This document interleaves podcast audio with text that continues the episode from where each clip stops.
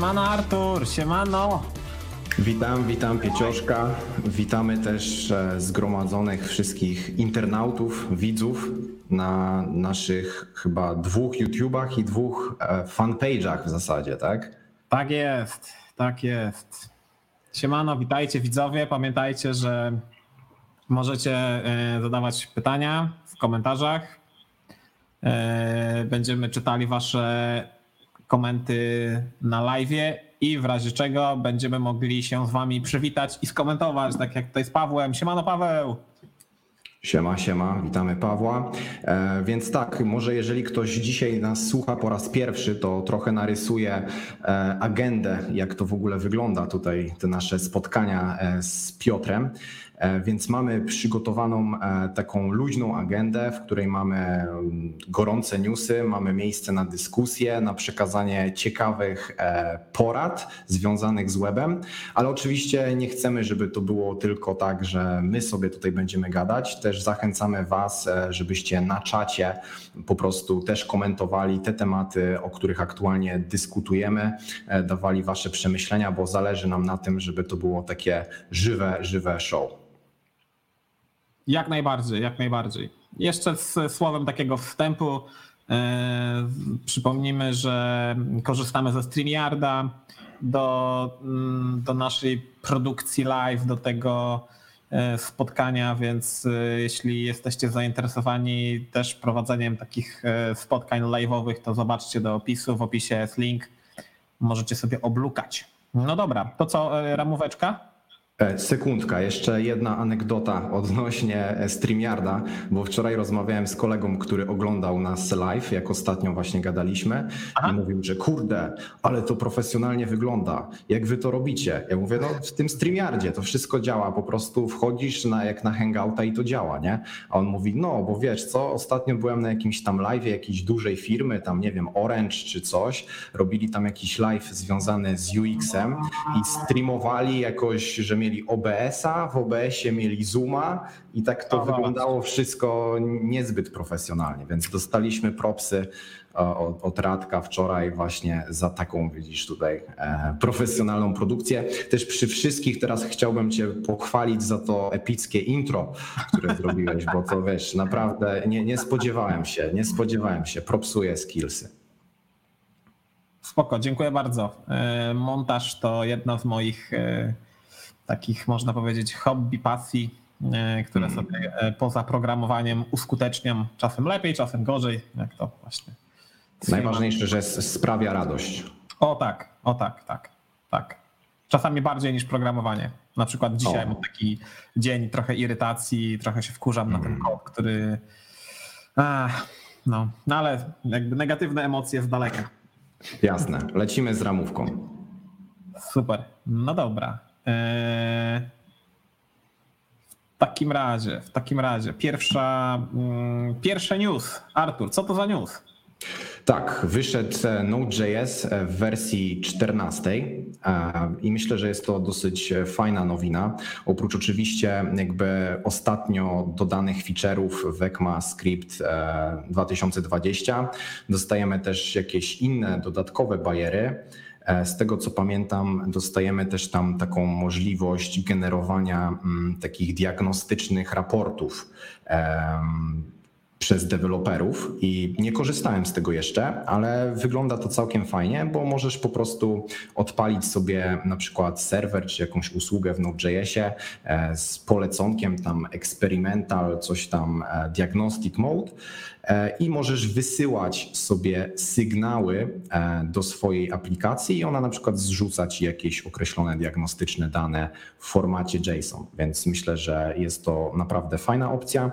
Oprócz tego chyba też dodali tam taki storage E, że na przykład jak masz jakąś e, aplikację wielowątkową, to też masz jakby natywnie przez Node'a dodany taki storage, w którym możesz sobie odkładać jakieś dane i komunikować je między tymi po prostu usługami, które chodzą e, na przykład w osobnych wątkach. Więc jakby fajnie, fajnie to wygląda.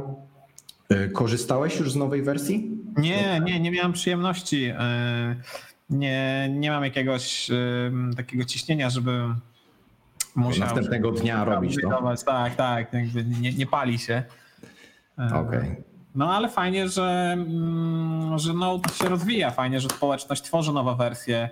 Kiedyś były różne takie zamieszania z tymi wersjami, pamiętam yy, ciągle 0.8, 0.10, 0.12, ciągle to 0 z przodu i tak Mhm. zastanawiali, kiedy, kiedy będzie jedyneczka i no Mhm. i nagle powstała czwórka i powstało IOJS, jakby działo się działo w tej społeczności Node'a.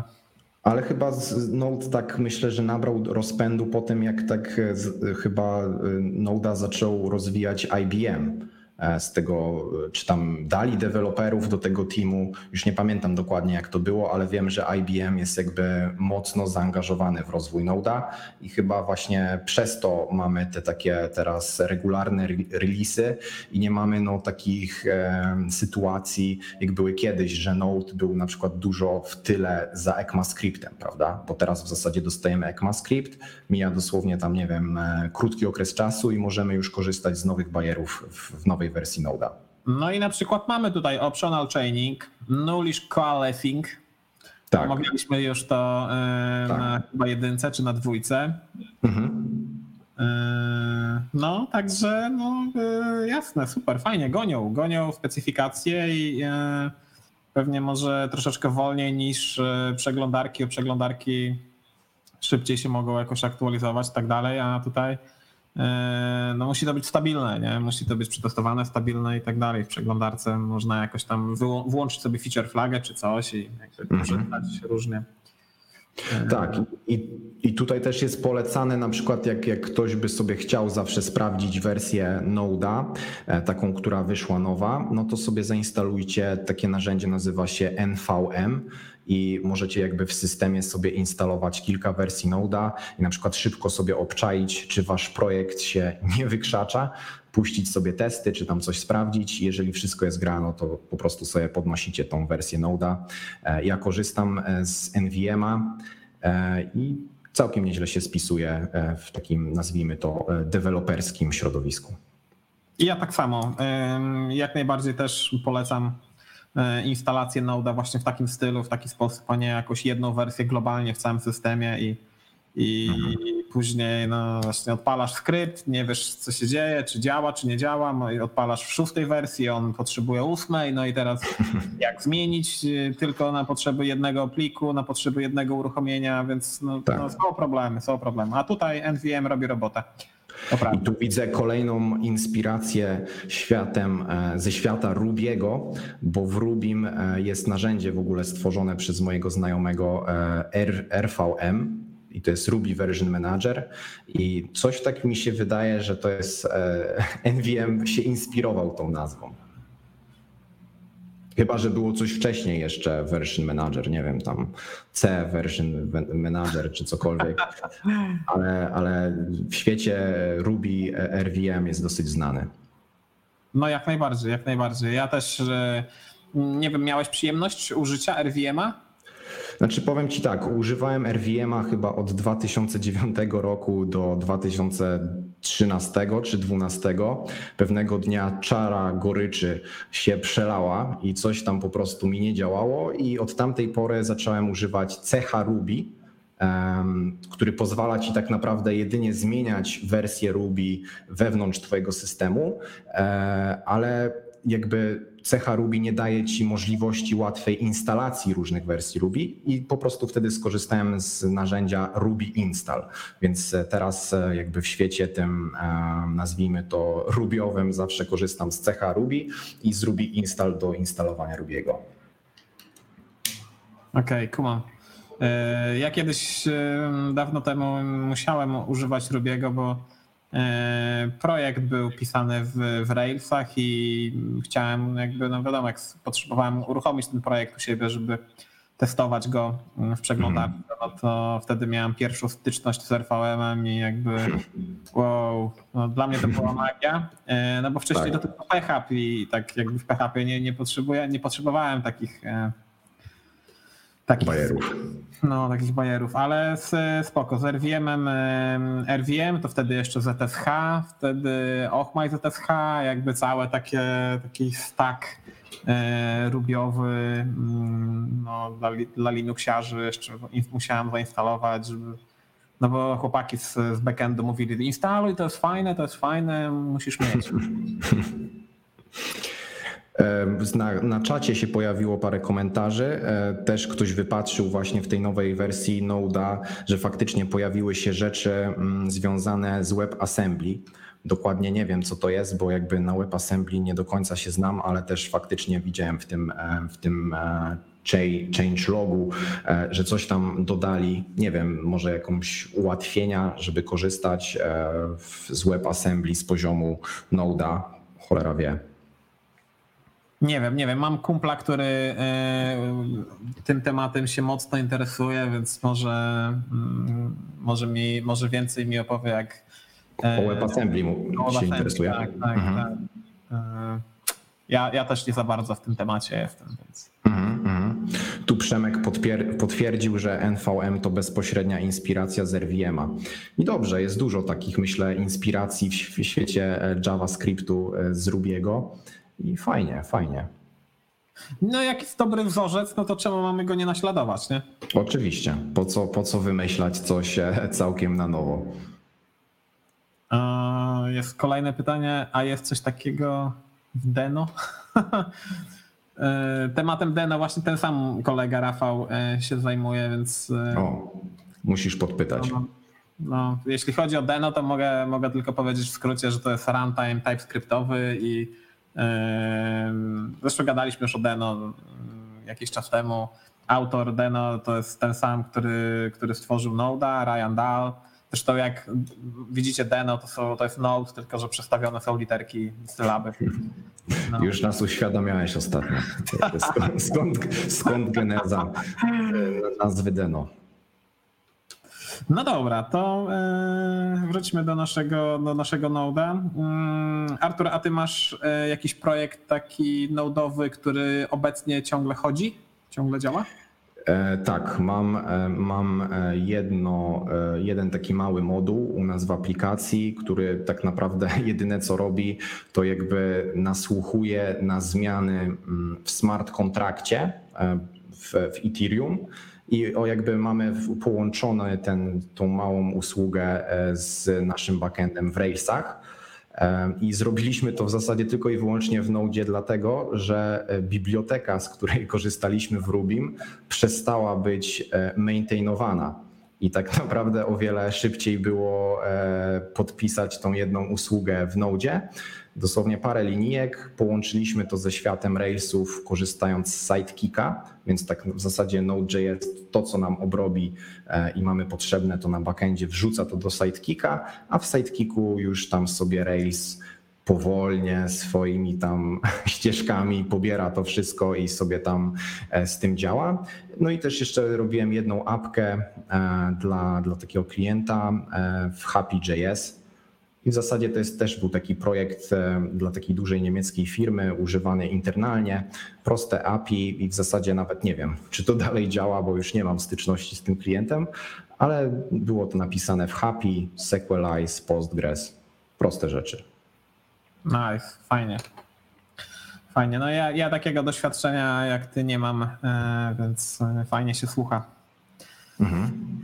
E, No dobra, e, to w, chyba możemy wr- wrócić do naszej agendy. E, Kolejna rzecz, o której my mm, możemy pogadać, to jest Google Meet, czyli jakaś tam alternatywa do tych wszystkich komunikatorów, których obecnie używamy.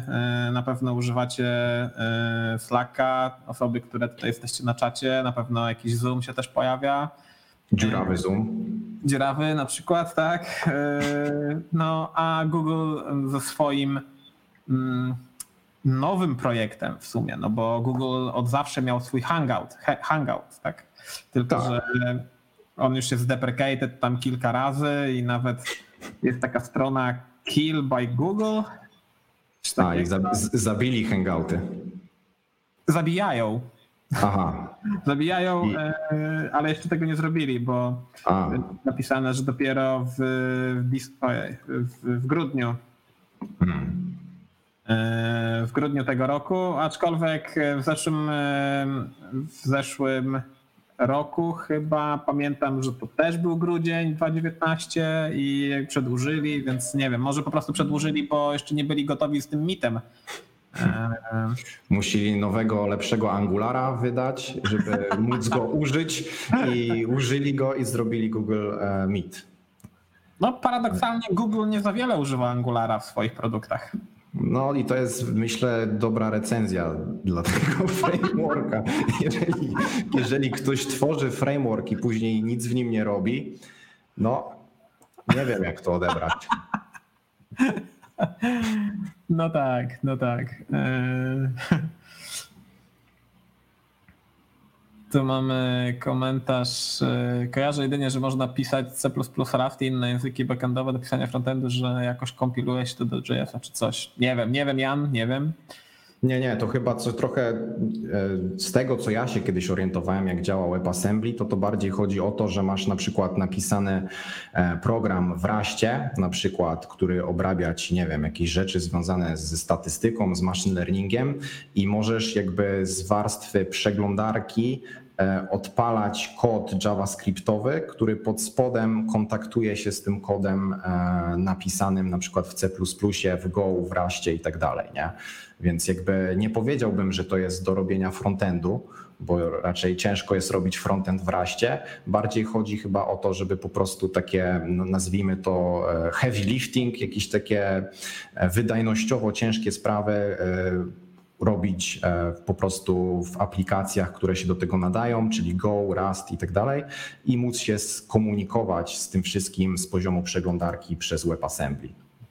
Ale tu może mnie ktoś poprawić, może coś źle tam zczaiłem, jak, jak się interesowałem tym dawno temu. E, Mamy też komentarz od Janka. e, Zrozumiał Google Meet, bo akurat miał inną zakładkę otwartą. Albo kolacji jeszcze nie zjadł i mu się skojarzyło.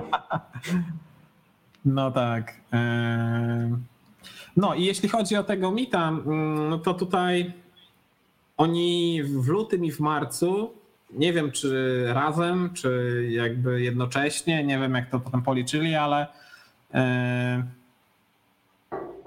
chyba sam tylko Google Meet obsługiwał 2 miliardy minut połączeń dziennie.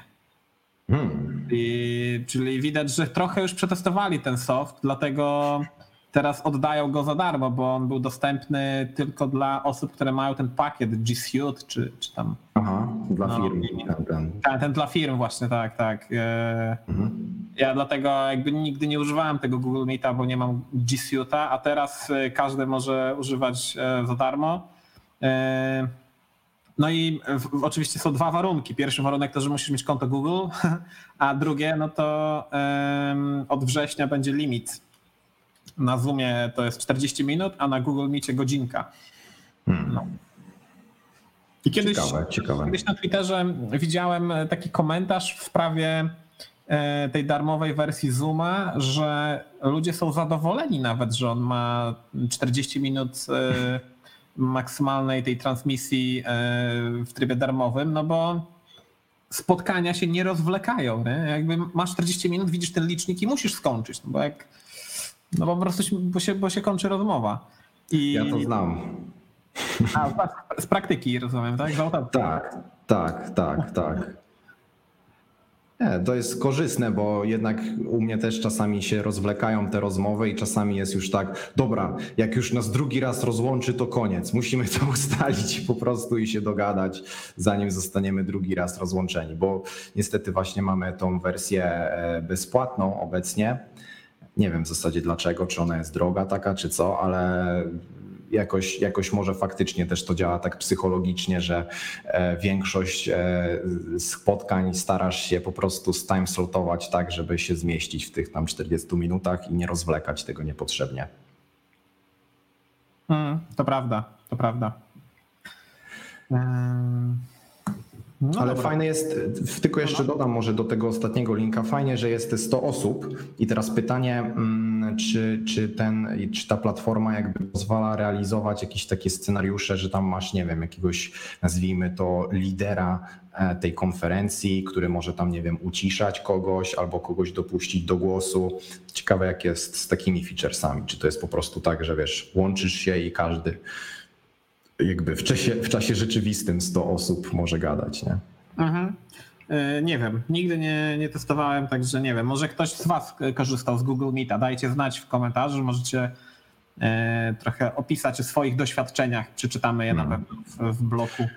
Daniel, Daniel propsuje Jitsi. Ostatnio ty do mnie tam chyba właśnie wysłałeś linka, żebyśmy pogadali Jitsi, więc rozumiem, że z Danielem możecie sobie podać rękę z tym narzędziem. E, No pewnie tak, pewnie tak. E, Zważywszy na to, że to Daniel mi wysłał Jitsi kilka tygodni temu, e, więc... O, widzisz. Mamy ewangelistę, ewangelistę Jitsi. Tak, tak. Daniel nawet instalował Jitsi na swoim serwerze, bo, mm, Mm. bo można. No i się udało. I to jakby mieliśmy z Danielem rozmowę, pogawędkę taką przez jego serwer tylko, nie? Czyli nie Mm. wykorzystywaliśmy oficjalnej strony, tylko jakiś tam VPS czy coś tam e, Daniela. No. I się dało. I było fajnie. Może nie było jakoś tam super stabilnie, Mhm. ale myślę, że mogłoby być, gdyby jeszcze się jakoś tam pobawić w konfigurację, posetapować różne rzeczy, coś potestować więcej, nie? E, To jest jedno z takich moich, e, ciężko powiedzieć, marzeń, po prostu takich fajnych e, rzeczy, które chciałbym kiedyś w życiu zrobić, to jest właśnie mieć u siebie na VPS-ie nie wiem, jakiś soft, który pozwoli mi połączyć dwie osoby poprzez audio, wideo w przeglądarce, nie? żebym nie musiał korzystać właśnie z Google Meeta czy z innych narzędzi, które no nie wiem jak ty tam oceniasz tą prywatność, ale no jeśli używasz takiego Google Meeta, to, to pewnie oni Od, też... oddajesz część, część duszy wielkiej korporacji amerykańskiej. Nie, ja w to wierzę. Znaczy, w sensie, e, jakby jestem mega zwolennikiem wszelkiej jakby decentralizacji. Interesuję się właśnie takimi technologiami typu IPFS, właśnie blockchain i tak dalej. I jeżeli coś może być self-hosted em, i właśnie tego typu rozwiązania jak Jitsi, to uważam, że super, bo szczerze powiedziawszy, jakbym, nie wiem, miał kolegę, który postawiłby serwer, który faktycznie by działał i zapewniałby mi i mojemu zespołowi możliwość, e, nie wiem, rozmowy e, takiej, wiesz, że ad hoc możemy się połączyć i to po prostu działa, to Aha. bym wolał szczerze powiedziawszy wysyłać pieniążki temu swojemu koledze niż e, korporacji, która później z tymi pieniędzmi, no cholera wie co robi. No to prawda, to prawda, zgadzam się. Mamy komentarz od Adriana. Prowadziłem spotkania na Zoomie i na początku tego miesiąca było 40 minut, a teraz znów bez limitu. O, Hmm. Może faktycznie znieśli ten limit, może ostatnio nie miałem takiego kola, co się przedłużał, ciągnął się jak smród po gaciach, a ten, ale muszę sprawdzić, fajnie, no, jeżeli to zostanie po pandemii, to myślę, no jednak zawsze jest jakby plus takiej rywalizacji, tak, że masz Google Meet, masz więcej narzędzi i one po prostu póki się nie dogadają między sobą, jaką ustalamy cenę i warunki, no to działa konkurencja i faktycznie będą się licytować, kto tam da więcej bez limitu i tak dalej. mm, to prawda, to prawda. Mm, Tu jeszcze od Janka i przechodzimy na GNU-Social czy Mastodonta. Nie wiem, co No. Mastodon to jest taki zdecentralizowany Twitter, który też jakby każdy może tam hostować jakiegoś noda. E, Nie wiem dokładnie jak to działa pod spodem, ale generalnie ma to służyć temu że właśnie, że różni tam ludzie, którzy zostali ocenzurowani na Twitterze, e, przenosili się swojego czasu na Mastodonta. O. No. Pewnie, pewnie prezydent Stanów Zjednoczonych nie został e, ocenzurowany. Nie, ale słyszałem coś tam ostatnio, że powiedział CEO Twittera coś w stylu, że chcą edytować e, tweety, nazwał to liderów społeczności, więc może także dotknie to e, pana Donalda Trumpa, cholera wie. No, pewnie coś mi się wydaje, że on to już nawet może w swojej aplikacji gdzieś tam klika magiczny przycisk edycja i, Tak. Nie, Hillary Clinton, edit, usuń. No nie, no jak on ma, jak on ma tak. jak on ma taką siłę, jakby napisze tweeta i nagle, wiesz, gospodarka jakiegoś innego kraju, tam giełda innego kraju jakiegoś tam cierpi, e, bo jakieś naloty będą robili, czy jakby jakieś ostrzeżenia wysyła przez Twittera, no to to jest Masakra. E, Pytanko, czemu Google Hangouts umiera? No pewnie dlatego, że Google Meet e, wchodzi. No nie wiem, może ktoś wyciągnął wnioski z tej aplikacji Google Hangouts i, i przepisał na Angulara na przykład. Nie, żartuję, nie wiem. e, TechLead, e, TechLead Google Hangouts odszedł do Zooma i musieli, musieli naklepać od nowa. No tak, no tak. Ale to podobna historia, znaczy ten, ten, ten twój żart bardzo podobny do, do prawdziwej historii, która miała miejsce przy Firebugu, jak to lider Firebuga e, poszedł sobie do, do Google'owych DevToolsów robić DevToolsy. No dobra, e, lećmy dalej, bo to już e, Tak, tak, bo znowu Godziny, no, o 23. Lecimy dalej. Słuchajcie, Ubuntu wyszło 20.04. Czy ktoś z nas, osób oglądających, pracuje na Ubuntu? Artur, jakie jest Twoje doświadczenie z, z Linuxami? Miałeś Ubuntu kiedyś? Tak, miałem, miałem przez całe studia e, Ubuntu, bo wpadłem sobie na taki pomysł, że jakby też to polecam każdemu takiemu młodemu programiście, który ma jakieś tam e, zapędy backendowe, żeby jednak po prostu zainstalować sobie Linuxa i nauczyć się jakby rozwiązywać problemy e, na Linuxie, bo jednak e, często to się zdarza i później jak masz takie backendowe usługi i chcesz je stawiać na serwerach, to wydaje mi się, że takie jakby doświadczenie z codziennego korzystania z, z Linuxa bardzo się przydaje. I ja akurat tak mocno korzystałem chyba ostatnio z Ubuntu, tam chyba 11 e, bo to było chyba, nie wiem, 11 albo 10. E, Wtedy mocno korzystałem, a później kupiłem sobie Maca i teraz mam chyba na jednym serwerze jakiś tam Ubuntu serwer, chyba też nie pamiętam jaka to wersja, 16.4 czy coś takiego i jakby za bardzo się tym nie interesuję. Dzisiaj kolega z zespołu postanowił zainstalować Ubuntu 20 i coś tam mi płakał, że tam mu e, projekt nasz Railsowy nie chce ruszyć, O, więc, więc nie wiem, nie wiem. jak miło, jak miło. Mm. No, no, no, no, jeśli chodzi o Ubuntu, to ja pamiętam, e, że moja przygoda z tym systemem zaczęła się chyba od wersji trzeciej. E, to ty Linuxiarz jesteś taki ten. Tak, tak. Jakby no ja przez każdy system y, przeszedłem sporą ilość czasu. E, jeśli chodzi o Ubuntu, w ogóle Linuxy, to z 7 lat pracowałem na różnych. E, no, w każdym razie mm, kiedyś jeszcze Ubuntu, w sensie płyty z Ubuntu były możliwe do zamówienia sobie e, z firmy Canonical, chyba Can- Canonical, coś takiego. I zamawiałem do domu e, te płyty i w formularzu można było wpisać dowolną wartość od 1 do 50. I wpisałem 50 i miałem 50 takich, e, wiesz, płyt z Ubuntu w pudełeczkach, w sensie w takich kartonowych tych opakowaniach. Rozdawałem ludziom.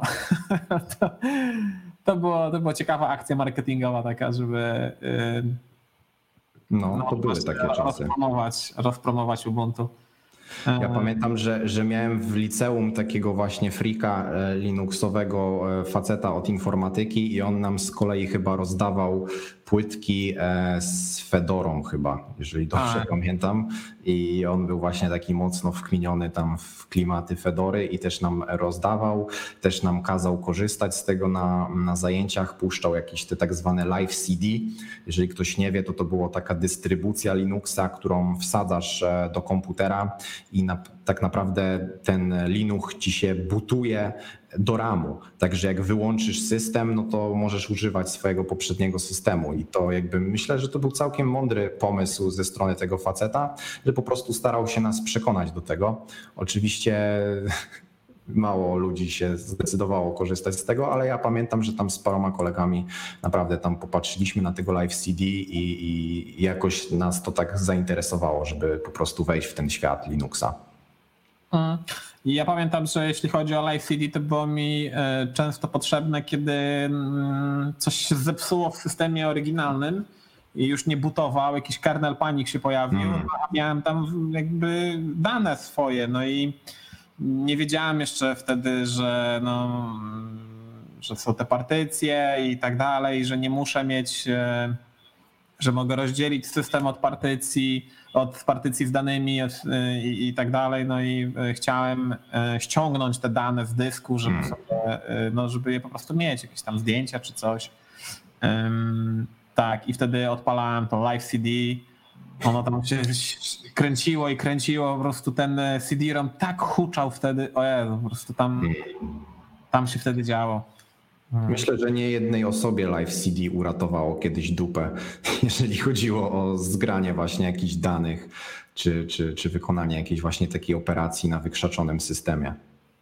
No ja tam często też modyfikowałem jakieś pliki konfiguracyjne i, i coś, I pamiętam. Coś pamiętam, że źle, źle coś przeedytowałem, jakąś literówkę czy coś popełniłem w pliku konfiguracyjnym, później system mi nie startował, myślę, co, co zrobić? No i Live CD i później Live CD montujesz ten dysk, który masz w komputerze, otwierasz sobie plik, edytujesz, zapisujesz, restartujesz i działa. No, no takie to właśnie było życie na Linuxie. y, Dużo rzeczy się nauczyłem i, i polecam zawsze Linuxa. y, Oczywiście już kiedy ma się jakieś doświadczenie w ogóle z komputerami, no bo Windows na pewno pomaga w tym, żeby zrozumieć y, system plików i tak dalej, a później nagle y, Linux pokazuje zupełnie inną architekturę drzewiastą. Tak. E, Coś mi się nie ładuje tutaj release notes. Nie wiem dlaczego. Jeszcze przed streamingiem działały. Może jakiś super duży ruch na ubuntu.com się wywołał. Serwer zupdate'owali do dwudziestki i, i szlak trafiło wszystko. Szukają Live CD. Bardzo możliwe, bardzo możliwe. No dobra, lecimy dalej. Mm, Czy są jakieś komentarze? O, są komentarze, to jeszcze chwilencja.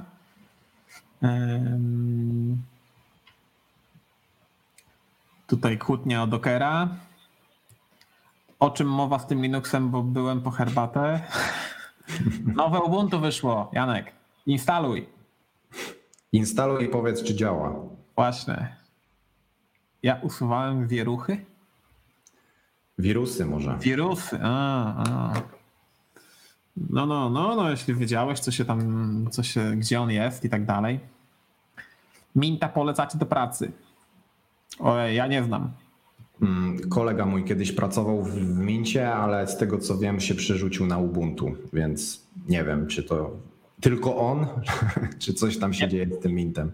Ja też nie wiem skąd, w sensie z jakiej rodziny jest ten Mint, e, ale jeśli chodzi o domyślny e, system graficzny, to jest tam chyba to XFC i na Ubuntu też sobie można zainstalować XFC, nie, nie trzeba pracować na Gnomie. Ja to bardzo rzadko pracowałem na Gnomie, bo Gnom e, swego czasu miał, nie wiem jak teraz, ale wtedy miał bardzo dużo różnych bajerków, takich jak cienie, animacje, jakieś gradienty, przejścia i jakby tego nie potrzebowałem, a to obciążało komputer ewidentnie, bo yy, no jakby wiem po co jest karta graficzna w komputerze, więc jeśli ma się słabą kartę graficzną, no to nie ma co oczekiwać jakichś płynnych animacji. No, dlatego instalowałem yy, lżejsze takie środowiska graficzne, VMaker, Fluxbox, Awesome. Nie wiem, czy, Fluxboxa korzystałem przez chwilę. E, Pamiętam, e, nie, już nie wiem, czy na Ubuntu, czy wcześniej na Debianie, ale pamiętam, że, że jarałem się bardzo, jak wygląda mój system. Czułem się trochę jak taki haker. Fluxbox jest bardzo fajny, bo jest bardzo lekki, jest szybki, szybki do bootstrapu, szybki do, do po- poruszania się. Jakby nie ma żadnych ikonek, włączasz, włączasz system i masz tylko i wyłącznie kursor i tapetę i nagle pierwsze zdziwko, a gdzie są moje ikonki? Nie, nie, nie ma ikonek, nie ma ikonek. No, no, to prawda. Yy, Może strona Ubuntu napisana w Angularze. Dzisiaj to już jedziemy po tym angularze za grubo chyba. No. Mint na podstawie Ubuntu. No to jeśli na podstawie Ubuntu. Czyli no to, Debian. Tak, Debian wewnętrznie na, na samym szczycie rodziny. No i śmiało można sobie zainstalować XFCE bez problemu i, i będzie taki Mint na. Mint, tylko że Ubuntu, a Ubuntu to chyba większe wsparcie do pakietów, nie wiem. Więcej ludzi używa, więc lepsze wsparcie no. automatycznie, tak? Bo jeżeli ktoś używa jakiejś dystrybucji, co używa tam, nie wiem, 200 osób na świecie, to jak ci nie działa drukarka, no to krzyżyk na drogę. No to prawda, to prawda. I, I, zapraszam do kompilacji tam czegoś, ale jednak jak masz Ubuntu, no to wchodzisz tam na Stack Overflow czy gdzie tam i po prostu masz kupę ludzi, którzy korzystają z tego na co dzień i jeżeli pro, producent jakiś tam, nie wiem, karty czy czegokolwiek ma się ulitować, no to najprędzej nad, nad takimi właśnie ubonciakami niż jakimiś tam dystrybucjami um, mniej popularnymi. No zgadzam się. Nawet, nawet ten Mint, pomimo tego, że to jest dystrybucja oparta na Ubuntu oraz Debianie, to i tak czy siak musi mieć coś od siebie dodanego, skoro nie jest Ubuntu, skoro nie jest tym systemem. Mm. Więc tak. nawet, nawet to, że jest pochodną Ubuntu wcale nie znaczy, że drivery, że jakieś tam rzeczy będą się łatwo konfigurować, setupować i tak dalej. No. Mm. O ile kojarzę, to można pobrać do wyboru kilka wersji, albo z XFC, albo z GNOMem, albo z Cinnamonem. Nie wiem. Tak, ten Cinnamon jest chyba by default. Tak, tak mi się wydaje, ale ręki sobie nie dam uciąć. Ale już chyba zostawmy Linucha, bo naprawdę czas nas goni, bo mamy jeszcze inne ciekawe tematy i znowu, kurde, y, przedłuży się wszystko. No tak to już u nas jest niestety. Dużo, dużo możemy sobie pogadać. E, jedźmy e, z ramóweczką. Cóż to ten kors? Tak, tak. Tutaj e, zachęcam wszystkich, którzy głowią się nad tym, jak działa Kors, e, dlaczego czasami coś działa, a czasami coś nie działa. E, bardzo fajna stronka, która jakby łopatologicznie cię przeprowadza przez to. I teraz na przykład, jeżeli klikniesz Get Started, to możesz tutaj po prostu przejść przez jakby taki proces, że na przykład jakie jest URL strony, e, która chce wysyłać zapytania. I teraz dajmy na to, masz jakąś swoją stronkę, na przykład, nie wiem, tam, która działa na HTTP e, localhost 3000, jest to React i później na przykład chcesz wysyłać zapytania do API, które działa na przykład na porcie 5000. No i w kolejnych krokach wybierasz, czy chcesz zrobić geta, czy chcesz zrobić posta i tak naprawdę to narzędzie e, przeprowadza cię jakby przez taki, nazwijmy to, proces myślowy, jak zachowuje się przeglądarka działając z tym korsem. I później na przykład jak zaznaczysz, nie wiem, że robisz zapytanie zwykłe typu get, to na przykład jest powiedziane, że nie wykonuje się wtedy pre-flight, ale jak na przykład zrobisz geta jakiegoś tam fikuśnego z jakimś tam headerem, to już wtedy na przykład pre-flight się wykonuje i po prostu taka fajna zabawka, e, żeby po prostu powtórzyć sobie wiedzę mm, z Corsa. Więc tutaj jakby polecam Wam i w zasadzie myślę, że, że nie ma co tutaj więcej powiedzieć o tym narzędziu. Po prostu, jeżeli ktoś się zastanawia, jak to działa, kiedy jest pre-flight, kiedy nie, e, to może tutaj na jakimś konkretnym przykładzie ze swojego projektu e, po prostu to zrobić i całkiem fajnie działa ta aplikacja. Nice. Nice. U, iksik. Not allowed. No niestety. Kors jest jednym z takich elementów, gdzie takich elementów w, naszy, w naszej branży webowej, frontendowej, gdzie ludzie, którzy e, jakby zaczynają realizować takie aplikacje sieciowe i, i tworzą requesty i nagle zastanawiają się, co się dzieje, co, co to się stanęło, że nagle jeden request działa, jeden nie działa i hmm. E, no i, i zawsze na, na szkoleniach dla zawsze, no jakby zawsze tłumaczę, ale często się dzieje, że często tak jest, że uczestnicy nie wiedzą, e, jak ten kurs działa i po co on jest zrobiony. E, I trzeba tam wytłumaczyć na jakimś fajnym przykładzie. No to też z, uwagi na, na tego Corsa zrobiłem taki, taką aplikację, w sensie API wystawiłem, E, które używam na szkoleniach, które mm, jest zwolnione z, z tej polityki, w sensie akceptuje wszystkie nagłówki, akceptuje wszystkie metody, akceptuje wszystkie hosty.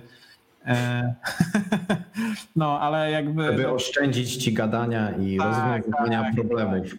No, tylko na początku zawsze, zawsze przechodzimy przez tą, e, przez tą drogę Corsa, żeby poruszyć temat cross-origin resource sharing.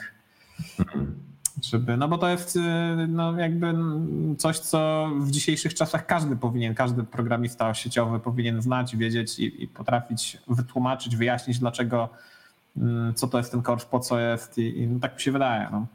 Mhm. Ja ci powiem, że tylko e, jeszcze szybko a propos tego Korsa, że właśnie raz miałem sytuację, kiedy chyba tak naprawdę pierwszy raz się dowiedziałem, co to jest Kors dawno temu, e, w ten sposób, że korzystałem mocno z Postmana. Postman to jest taka aplikacja, że lokalnie ją masz i sobie testujesz jakieś tam swoje endpointy. I po prostu pamiętam, że miałem sytuację taką, że wszystkie endpointy ładnie działały mi w Postmanie, a Postman oczywiście nie zachowuje się jak przeglądarka i po prostu jakby tam w Postmanie mi wszystko działało. Później odpaliłem sobie apkę i mówię, kurde, o co tu chodzi? Dlaczego mi to nie działa? Nie? I, I wtedy po prostu tam zainteresowałem się, co to jest w ogóle, co to za błąd, jak go rozwiązać, dlaczego i myślę, że każdy musi się o tym boleśnie przekonać raz, czy dwa, czy trzy i po prostu w końcu, w końcu e, jest to bardziej zrozumiałe.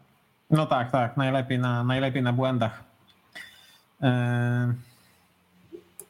Czytamy jakieś komentarze? Tu jest yy, komentarz, jak coś, nie, jak, jak coś nie umie Kors, to są na to pluginy i narzędzia, na przykład Fiddler.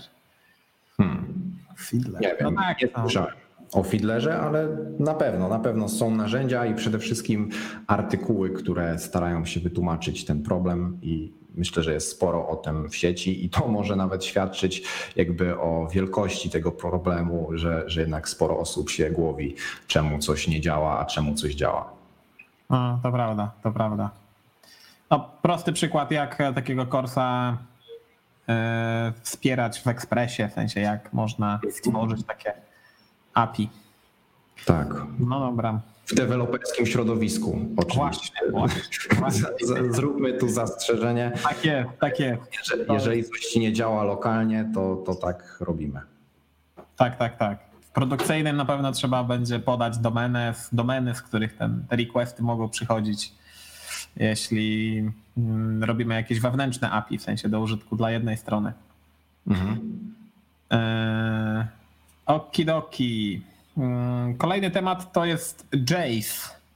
Narzędzie, które paczka na NPM-ie, która pozwala na czytanie plików JSON.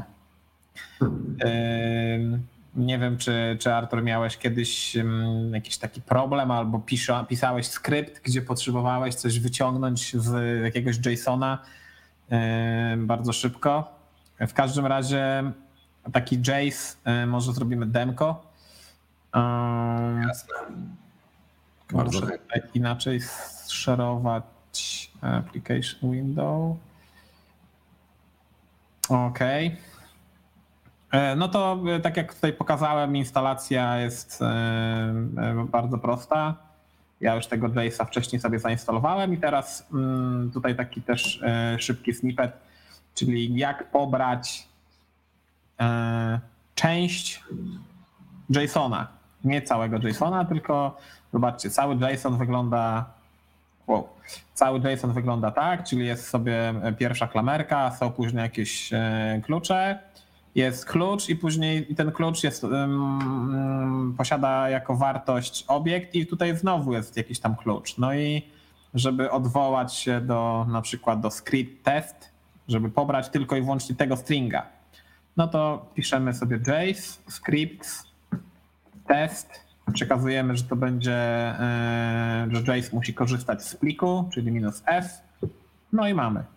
I mamy dokładnie to, co tutaj e, się znajduje mm, wewnątrz. No taki, taki Jace może być e, przydatny właśnie w skryptach, może być przydatny w mm, czy przy Jenkinsie, jak się robi skrypty takie no, gdzieś na continuous integration, E, i, i trzeba wykorzystać CLI i tak dalej, no to, to, to śmiało. No ale też do jakichś lokalnych, mm, lokalnych przygód taki JSIC mógłby być wykorzystany. Oni tutaj na stronie e, wrzucają jeszcze więcej egzampli, że możemy ustawiać też w tym JSONie, czyli modyfikować JSONa w locie, usuwać właściwości, no wiadomo, a to jest reformat JSONa na takie wcięcie, na jakie chcesz. Czyli hmm. zwykle jak się buduje aplikację, w sensie jak używasz Angular CLI, to kiedy wygenerowuje się package JSON i wszystkie JSONy, no to mają tam dwie spacje jako indent. No i teraz można otworzyć edytor i przerobić wszystko na cztery spacje, albo po prostu tym JSON pojechać e, z tematem i e, zrobić JS minus i, dwie spacje, później file, package JSON, e, chyba bez file.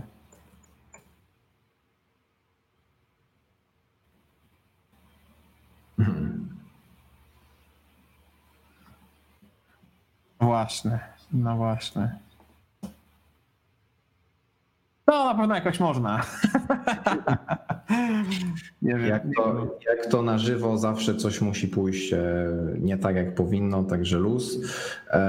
Ale fajne narzędzie i też e, wydaje mi się, że jak ktoś na przykład, nie wiem, e, ma dużo projektów w firmie, tak, na przykład weźmy jakąś taką potężną firmę, która ma dużo różnych projektów w, JavaScriptie, w Node.jsie, no to możesz popisać sobie jakieś tule, które na przykład ci sprawdzają, czy w package JSON nie masz określonej biblioteki, tak, bo ona na przykład już, e, nie wiem, jest niewspierana albo w twojej firmie macie politykę, że z niej nie korzystacie, no to wtedy możesz łatwo sobie przelecieć przez wszystkie projekty i, i po prostu e, przelecieć przez te JSONy. Oczywiście wiadomo, że zaraz ktoś powie, że no, możesz to w Linuxie zrobić z użyciem tam regexpa, grepa i tak dalej, ale jakby fajnie, że są takie narzędzia, bo, bo na pewno jest na to zastosowanie w jakichś właśnie um, projektach, które analizują JSONy. No, y, to też jest tak, że mm, jakby mm, śmiało możemy używać JSON Stringify, czy tam bardziej JSON parse, żeby odczytać, y, jak już jesteśmy w, w jakimś skrypcie i chcemy odczytać zawartość package JSON, sobie go tam require'ujemy i, i tyle, ale no tak jak mówię właśnie, że, że nie, nie, jak, jest, jakbyśmy byli w sytuacji, kiedy nie możemy tworzyć skryptu i tylko używać CLI-a, no to taki JSIG e, myślę, że jest spoko opcją.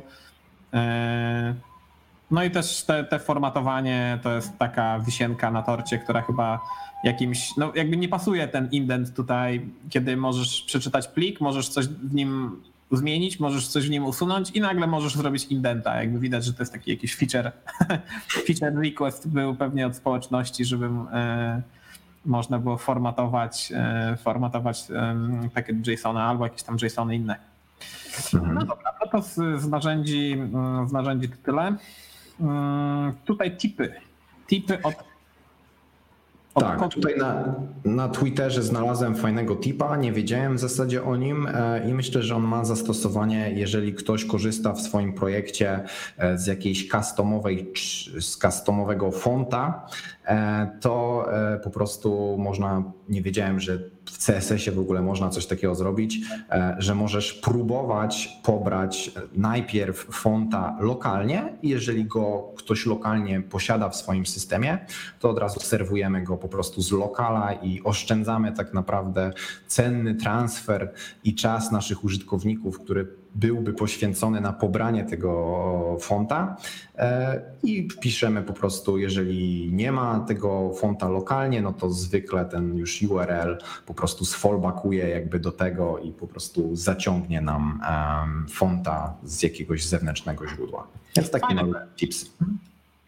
Fajne, fajne to jest. To jest e, jak najbardziej bardzo coś takiego, e, co w dzisiejszych czasach podchodzi pod performance, nie? że kiedy wchodzisz na stronę, to nie zawsze musisz ściągać z Google Fonts czy, czy mhm. gdzieś tam z, lokalnie z projektu fonta, tylko no jeśli masz już tego fonta pobranego na, na, i używasz sobie w systemie operacyjnym, no to czemu by go nie wykorzystać? Jakby font to font. To jest y, no, na pewno optymalizacja. No. Mhm. Hmm, fajne, fajne. Pamiętam e, kiedyś, jeśli chodzi o e, customowe fonty, to taka biblioteka jak Kufon. Hmm. Cufon. Nie wiem, czy y, pamiętasz, Artur, czy używałeś Kufon.js, coś takiego? A nie, nie, to ja pomyli, źle to zrozumiałem. E, kiedyś korzystałem z jakiegoś Gyfon czy coś takiego. Gyfon? No właśnie. Gyfon chyba. Jak, jak? E, G, Y, P, H, Gyphon, jakoś tak? Może też to źle zapamiętałem. W każdym razie tam były chyba jakieś takie symbole, czy jakieś ikonki, coś tak, coś tak kojarzę. A, no, ym, ja odnośnie tego kufona to, no bo kiedyś jakby za starych czasów nie można było tworzyć, nie można było używać y, customowych fontów na stronie internetowej, więc y, ten kufon przykrywał y, albo, albo flashem, albo, albo jakimś obrazkiem generowanym w locie. O ja. No, no, no. Kawał technologii. No, kawał technologii, kawał. O, tu jest coś, coś na forum. Bardzo pewnie stary artykuł. 97. o kurde, byłem na tym forum. O jacie. Zapomniałem, że w ogóle to forum istnieje, ale kiedyś się tam udzielałem, naprawdę. Czy znacie jakiś sposób na, na działanie skryptu Kufon.js, aby zapobiec migotaniu czcionek podczas ładowania strony? Dodałem wywołanie Kufon now przed zamknięciem body, lecz to nie poprawia. No właśnie, migotanie chodzi, czyli na początku wiesz, ładuje ci się taki tekst w foncie, który masz, jakby z default jakiś tam Arial czy coś. Mhm. I dopiero ten, no Kufon to był JavaScript, więc on musiał się ściągnąć, yy, uruchomić i wygenerować jeszcze właśnie jakiś czy obrazek, czy coś, żeby użytkownikowi koniec końców wyświetlił się już taki ładny tekst w foncie, który grafik sobie wymyślił, nie? No bo graficy w Photoshopie tam wszystko robili kiedyś, a, a na stronie tak. nie można było mieć font, y, tak jak teraz możemy sobie użyć font face'a i, i heja. Google Font i, i no. masz wszystko prawie. No ale Google Fonts, y, jak tam ściągasz skrypt, to on wewnętrznie używa E, nawet my używamy customowego fonta e, Ruda. I jak sobie wejdziemy do co, co się dokładnie ściąga, no to jest tutaj font face, jest Ruda, jest ten URL. E, no. No pewnie, pewnie to by była jakaś spora optymalizacja dla font z Google.com, gdyby właśnie robili taki fallback, tak jak, tak jak tutaj w tym tweetie, nie? że że na początku korzystaj tam z jakiegoś fonta, no bo jeśli masz go w systemie, no to nie musisz ściągać, nie? Więc y, oni by ograniczyli transfer, w sensie jakby wysyłanie danych i taki użytkownik by też ograniczył, jeśli no już taką, takiego fonta ma zainstalowanego w systemie. Mhm, mhm. No. Ale by nie mogli wtedy cookiesów jakiś tam wciągnąć e, szpiegujących i to już e, za, za, zaburza e, biznes model. I tak, tutaj na czacie Adrian powiedział dobrze, glyph icons z Bootstrapa, to miałem na myśli, tak. Glyph, glyphon, glyph nie, tak, tak, dokładnie to. To, to. to mi chodziło po głowie. Tak. Kiedyś z tego gdzieś tam korzystałem i myślałem, że to masz na myśli, mówiąc o tym kufonie, ale to było całkiem co innego. No, no, no. Hmm, stare czasy ten kufon. No fajne, fajne. To jest bardzo fajny, y, bardzo fajny sposób, jeśli chodzi o y, fonty, no to y, fallbacki zawsze na propsie. Ja pamiętam, jak tam kiedyś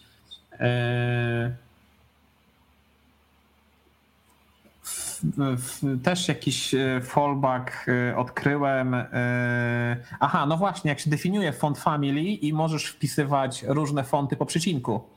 No, w sensie y, wpisujesz po przecinku takie fonty od tych najbardziej pożądanych do tych najmniej, tak. których, których chcesz używać i na początku jakby nie wiedziałem, że można coś takiego robić kiedyś tam i, i kiedy zauważyłem kilka fontów po przecinku, myślę sobie, co jest, ktoś się nie może zdecydować, czy o co chodzi, nie?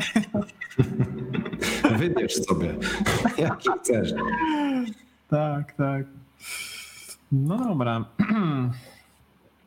Kolejny tip Mm, z kolei mm, znalazłem na Twitterze e, taki serwis HTML DOM Dev, który pokazuje, prezentuje, jak można obsługiwać doma w czystym JS-ie, czyli hmm. w vanilla JavaScript. No i na przykład E, co my możemy zrobić? Zobacz, tutaj tipów to w ogóle jest 115, ale Jakiś. Jak nawet wejdziesz do jakiegoś, czyli możemy redirect to another page, ten no, zna. Ten, ten, ten, pewnie każdy zna, ale są. Yy... A, są dłuższe wyjaśnienia. Jakoś chyba trafiałem w takie króciutkie strasznie. Yy... Dawaj jakiś advanced może. O, tutaj mamy kawał wyjaśnienia. Dzieje się. Create one-time event handler. Hmm.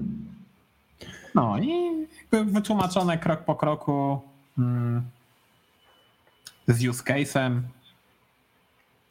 Czyli zanim ściągniecie jakiś pakiet z npm żeby zrobić prostą rzecz, zaglądamy na html dom.dev, patrzymy, czy można to zrobić w vanilla.js. Jak można, to robimy. Jak nie, to ściągamy lipkę. Drag and dropy to jest coś, co. E, jakie masz doświadczenia, Artur, z drag and dropami? Robiłeś kiedyś takiego, taki widget?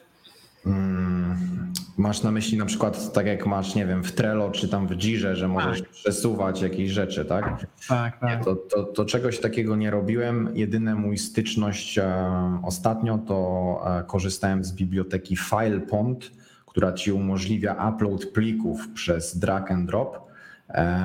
I miałem sporo problemów, żeby napisać testy w Cypressie do tego.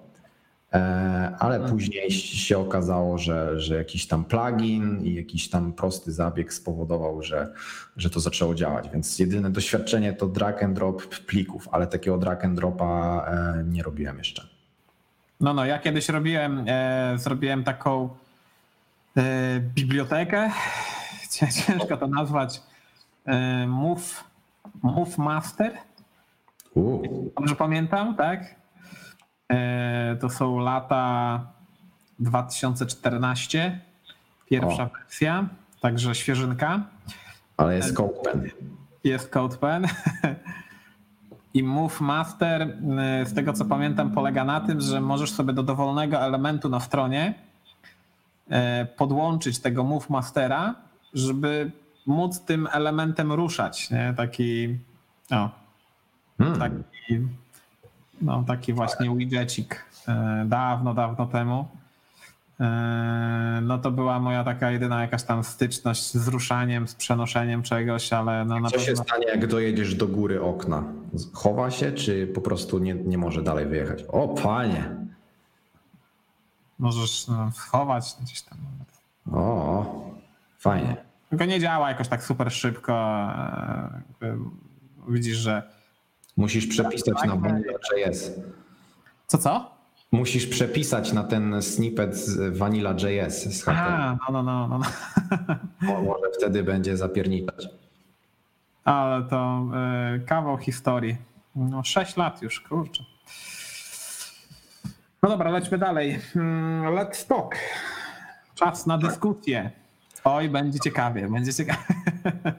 E, znaczy, wiesz co, tak, powiem ci, że wrzuciłem ten, wrzuciłem ten slajd, bo bardzo spodobał mi się ten filmik. W ogóle też polecam gościa, tego Bena Awada, czy jak to tam się czyta. W każdym razie gościu w 6 minut e, myślę, że dosyć dobrze podsumował, jak wyglądają e, często techniczne mm, rekrutacje w firmach i ja się z nim w 100% zgada, zgadzam, e, że czasami e, nie powinny one tak wyglądać. I teraz szybkie wytłumaczenie, o co mi chodzi. Na przykład są firmy, i to nie, że to jest wyssane z palca czy coś, tylko słyszałem po prostu ludzi, którzy byli na takich rekrutacjach, że na przykład kandydujesz na, nazwijmy to, nie wiem, e, regular, angular dewelopera, prawda? Czemu I... się zaśmiałeś, przepraszam? Nie, zaśmiałem się z tego e, z takiego połączenia regular angular, wiesz o co chodzi. Aha, okej, okay, okay. I taki rym. E, w żadnym wypadku nie śmiałem się z angulara. Więc e, chodziło, chodzi o to, że masz pracę, która na przykład polega na tym, że pracujesz jako ten regular developer w projekcie, dajmy na to, gdzie obsługujecie mapę i wyświetlacie na mapie na przykład, nie wiem, pineskami, gdzie tam są klienci, gdzie tam pizzę można zamówić czy coś. No i idziesz do takiej firmy na rekrutację, No i co się dzieje? Masz tam rozmowę na przykład z HR-em, później HR idzie do pokoju, zgarnia najmądrzejszego programistę z pokoju, no i pan idzie na tą rekrutację i na przykład mówi do, do, do osoby, która przyszła na tą rekrutację, no tutaj masz tablicę, napisz mi tutaj algorytm sortowania z pamięci. Tam nie wiem, bubble sort czy coś. No i teraz czemu ma służyć takie interview? Czy ten Angular developer przychodzi do pracy i pisze na białej kartce z użyciem długopisu bubble sorta albo algorytm Dijkstry? Czy raczej musi on wiedzieć, jak obsłużyć edytor, jak się skomunikować z API, jak napisać testy? Dlatego, jeżeli ktoś robi takie interview i nie pracuje w spółce Skarbu Państwa, która, nie wiem, tworzy rakiety albo nie wiem, jakieś uzbrojenie dla NATO i tak dalej, to niech się puknie w łeb, po prostu bo moim zdaniem to jest niepotrzebne stresowanie ludzi. A ostatnio rozmawiałem z chłopakiem, który był na rekrutacji bardzo niefajnej, e, zrobionej, wiesz, zalogował się e, gdzieś tam na Hangoutsa, czterech jakichś tam śmieszków było, kazali mu w Google Docsie coś tam zakodować i po prostu nie wiem, jak ja takie rzeczy słyszę, to po prostu nie wiem, czy ktoś jakby chciał podbudować swoje ego, czy ktoś jest po prostu tak głupi, że nie rozumie tego, że trzeba sprawdzić kogoś na projekcie, tak? Nie wiem, pokazać mu repo, e, rozwalić jakiś test, powiedzieć, jakbyś to naprawił, możesz skorzystać z Google'a, możesz skorzystać z dokumentacji, możesz się zachowywać tak jak w codziennej pracy. No i generalnie o tym jest ten filmik i też jestem ciekaw, co ty o tym sądzisz i co o tym sądzą nasi słuchacze. No to prawda. Ja pamiętam, mam, mam kilka różnych przygód, jeśli chodzi o e, rekrutację. Mm, czasem zabawnych, czasem, e, czasem nie. Ale wracając do, do tego, e, co, co mówisz, no to na pewno rozmowa rekrutacyjna nie powinna być jakby przedstawieniem tego, że osoba, która przepytuje, kandydata stawia się w jakiejś wyższej hierarchii, wyższa, wyższe stanowisko i, i jakby udowadnia swoje doświadczenie, swoją wiedzę i wyższość nad kandydatem, to jest naprawdę no, nie, totalnie nie, nie, nie w tą stronę. Ja nawet e, jakby bardzo też e, nie lubię takiego określenia, że ktoś kogoś przypytuje, że ktoś kogoś sprawdza czy weryfikuje. Jakby rozmowa rekrutacyjna to jest rozmowa dwóch stron. Mhm. kandydat z, z, firmą, firma z kandydatem. I tutaj obie strony powinny i zadawać pytania, i no bo jakby jest jakiś tam e, promyk nadziei współpracy w przyszłości, no więc trzeba się, trzeba się poznać, trzeba się do, dowiedzieć, co kto e, potrafi, co kto udostępnia, e, czyli kandydat sprzedaje siebie, mówi to, co on potrafi, firma weryfikuje, czy przyda im się taki pracownik, e, no i też co firma udostępnia takiemu kandydatowi, e, takiemu pracownikowi, jakby to też jest bardzo ważne, no bo co z tego, że taki kandydat będzie idealny, bo będzie potrafił wszystko, ale jeśli firma na, na przykład, no nie wiem, nie udostępnia jakichś szkoleń czy E, czy innych elementów, które rozwijają, pobudzają do, do rozwoju, no to wtedy taki kandydat, pomimo tego, że może i faktycznie z jego perspektywy spełnił wszystkie wymagania i, i powinien pracować w takiej firmie, no to wcale nie będzie, no bo on nie widzi tutaj jakiejś swojej, e, swojego rozwoju osobistego, na co jakby zawsze trzeba zwracać uwagę. I to też e, szczególnie dotyka juniorów, kiedy oni szukają tej pracy y, pierwszej swojej wymarzonej bez znaczenia jaka to jest firma, bez znaczenia co tam się dzieje, ważne tylko, żeby znaleźć i wreszcie kodować y, aplikacje i, i jakby no jest duży taki margines y, margines wytrwania, czyli można pójść do jakiejś trudnej firmy. Trudnej to znaczy no, z deadline'em na wczoraj, kiedy jeszcze rekrutacja się nie skończyła i, i brakiem wprowadzenia. Znam takie firmy, gdzie no jakby zatrudniają juniorów, a totalnie, nich, totalnie ich nie wprowadzają w projekt i jakby zostawiają ich samych sobie. Nie? Tak, mają e, menadżera, którego odpowiedź na wszystko jest nie mam czasu. I, wiesz, I, po prostu masz, wiesz, masz biednego juniora, nie ma kto go wdrożyć. I wiadomo, no to jest wina później raczej nie tego juniora, tylko po prostu jakby osób czy firmy, która jakby przyjmuje tą osobę, nie? Ale no właśnie wydaje mi się, że jakby dobrze w tym filmiku powiedział o tym też Ben, że jakby owszem, no takie techniczne interview, gdzie kogoś przepytujesz, zaginasz, każesz mu tam, nie wiem, zrobić coś tam na ma to sens w przypadku takiego Google'a, Facebooka, Netflixa i tak dalej, bo jak oni wrzucają ofertę o pracę, no to tam się pewnie zgłasza nagle, nie wiem, 3000 osób, tak? I, I, musisz w jakiś sposób wyłonić tych najlepszych, i pewnie te firmy duże, jakby wątpię, że pozostawiają to wszystko, wiesz, losowości, tak, że oni nie wiedzą, co robią.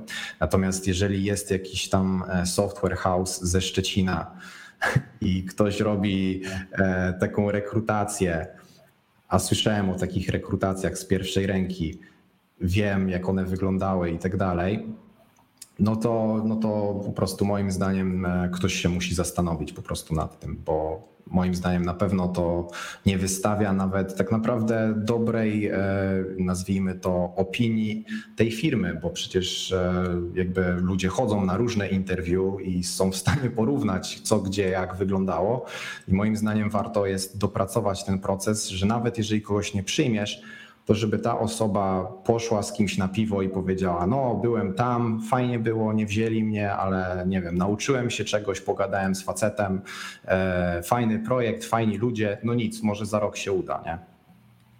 No to prawda, to prawda. Ja zawsze jak przeprowadzałem rozmowy, to mm, zależało mi na tym, żeby ta osoba nie dość, że się dobrze czuła na rozmowie, czyli takie pierwsze minuty, e, kiedy wyczuwałem, że ten kandydat się stresuje, E, no bo to zawsze jest jakiś tam stres po obu stronach. E, na pewno od strony kandydata, znaczy pewnie częściej od strony kandydata jest ten stres większy, no to ja tak próbowałem jakby redukować ten stres, żartując oczywiście moimi czerstwymi, mm, jak wczorajsza grzanka, żartami, ale no jakby starałem się, żeby też rozśmieszyć tę osobę, żeby później z nią sobie po prostu pogadać, wymienić się doświadczeniami. No i jeśli czegoś nie będzie wiedzieć ta osoba, no to jakby nauczyć, nie? Powiedzieć, jaka jest poprawna odpowiedź, albo jaka, jakby czego oczekujemy. No takie, no takie myślę, że fair podejście, kiedy ktoś przychodzi do ciebie pogadać i, i jakby ty oczekujesz od niego jakiejś tam wiedzy, on tej wiedzy nie ma, no to okej, okay, spoko, ale no to ja mu powiem, tak, bardzo szybko jakimś tam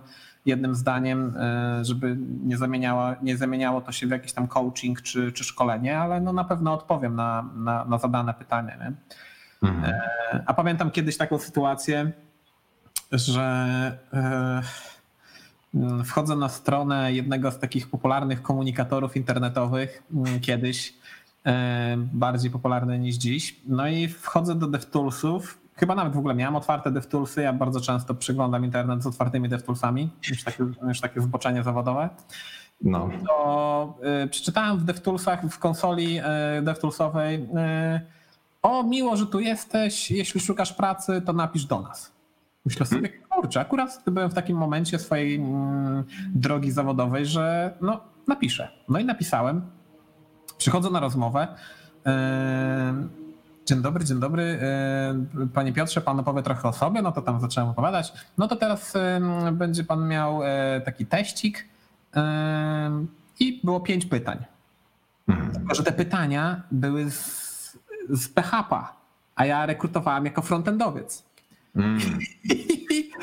I pięć pytań, na żadne nie odpowiedziałem dobrze. E, już po drugim pytaniu zacząłem się zastanawiać, co ja tutaj robię w ogóle, jakby, czy, czy ktoś się nie pomylił, nie? Czy, czy, czy nie jest tutaj jakiś konflikt interesów? E, no i koniec końców e, rozmowa się zakończyła tym, że no, e, uzgodniliśmy razem, że to chyba nie ma, to chyba nie ma sensu i, i jakby pomyliliśmy się w, w, doborze, w sensie w stanowisku, na które rekrutacja jest prowadzona, bo ja myślałem, że jeśli zaglądam sobie do konsoli, no to będę oczekiwał, w sensie będę czuł, że y, taka firma rekrutuje frontendowca, a nie backendowca. Nie? Y, no taki, taka historia z życia wzięta. Myślę, myślę, że spo, sporo osób mogło mieć coś takiego. Ja osobiście nie, nie doświadczyłem, ale też pewnie dużo było takich sytuacji, że przez jakieś tam niedomówienia z agencjami rekruterskimi i tak dalej, ktoś tam aplikował na Java, a dostał JavaScripta czy coś takiego.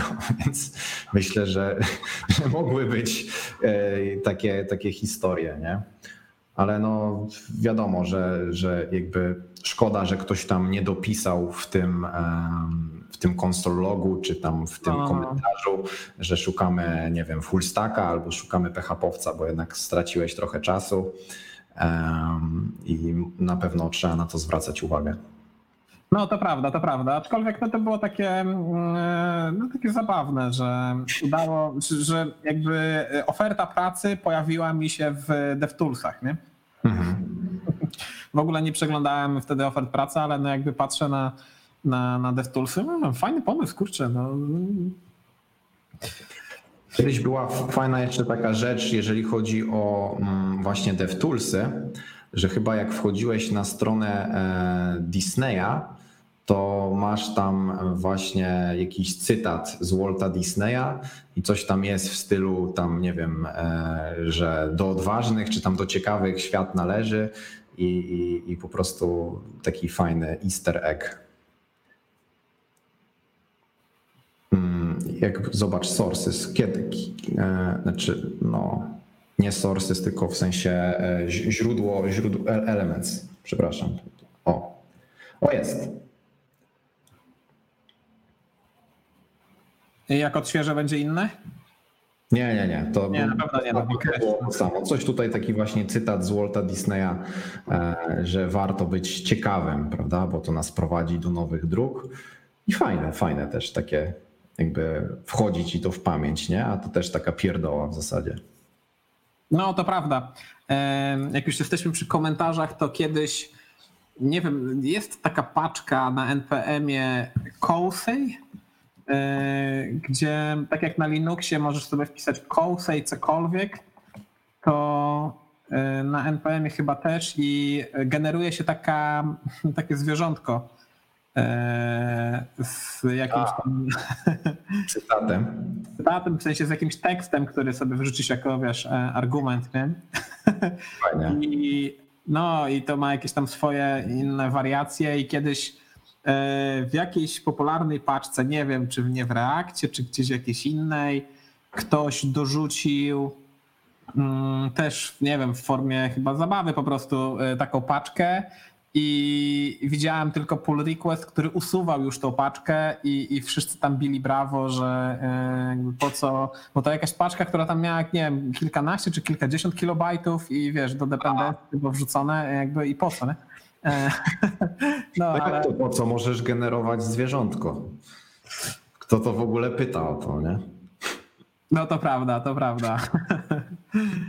No to jedno z takich pierwszich poleceń, jakie na Linuxie jeszcze mm, za swoich czasów się nauczyłem, to ten Cousey właśnie. Ach. Mhm. Off topic. E, a tutaj propos, a jak już jesteśmy na stronie Disneya, e, Używasz, e, Artur, w swoich aplikacjach takich mm, jakby prekonektów, preloadów, mm, żeby, żeby zoptymalizować? Szczerze powiedziawszy, nie mam na, na ten temat żadnej wiedzy. A, e, mm, to może, to może dokończmy te tematy, a później przejdziemy do jakichś.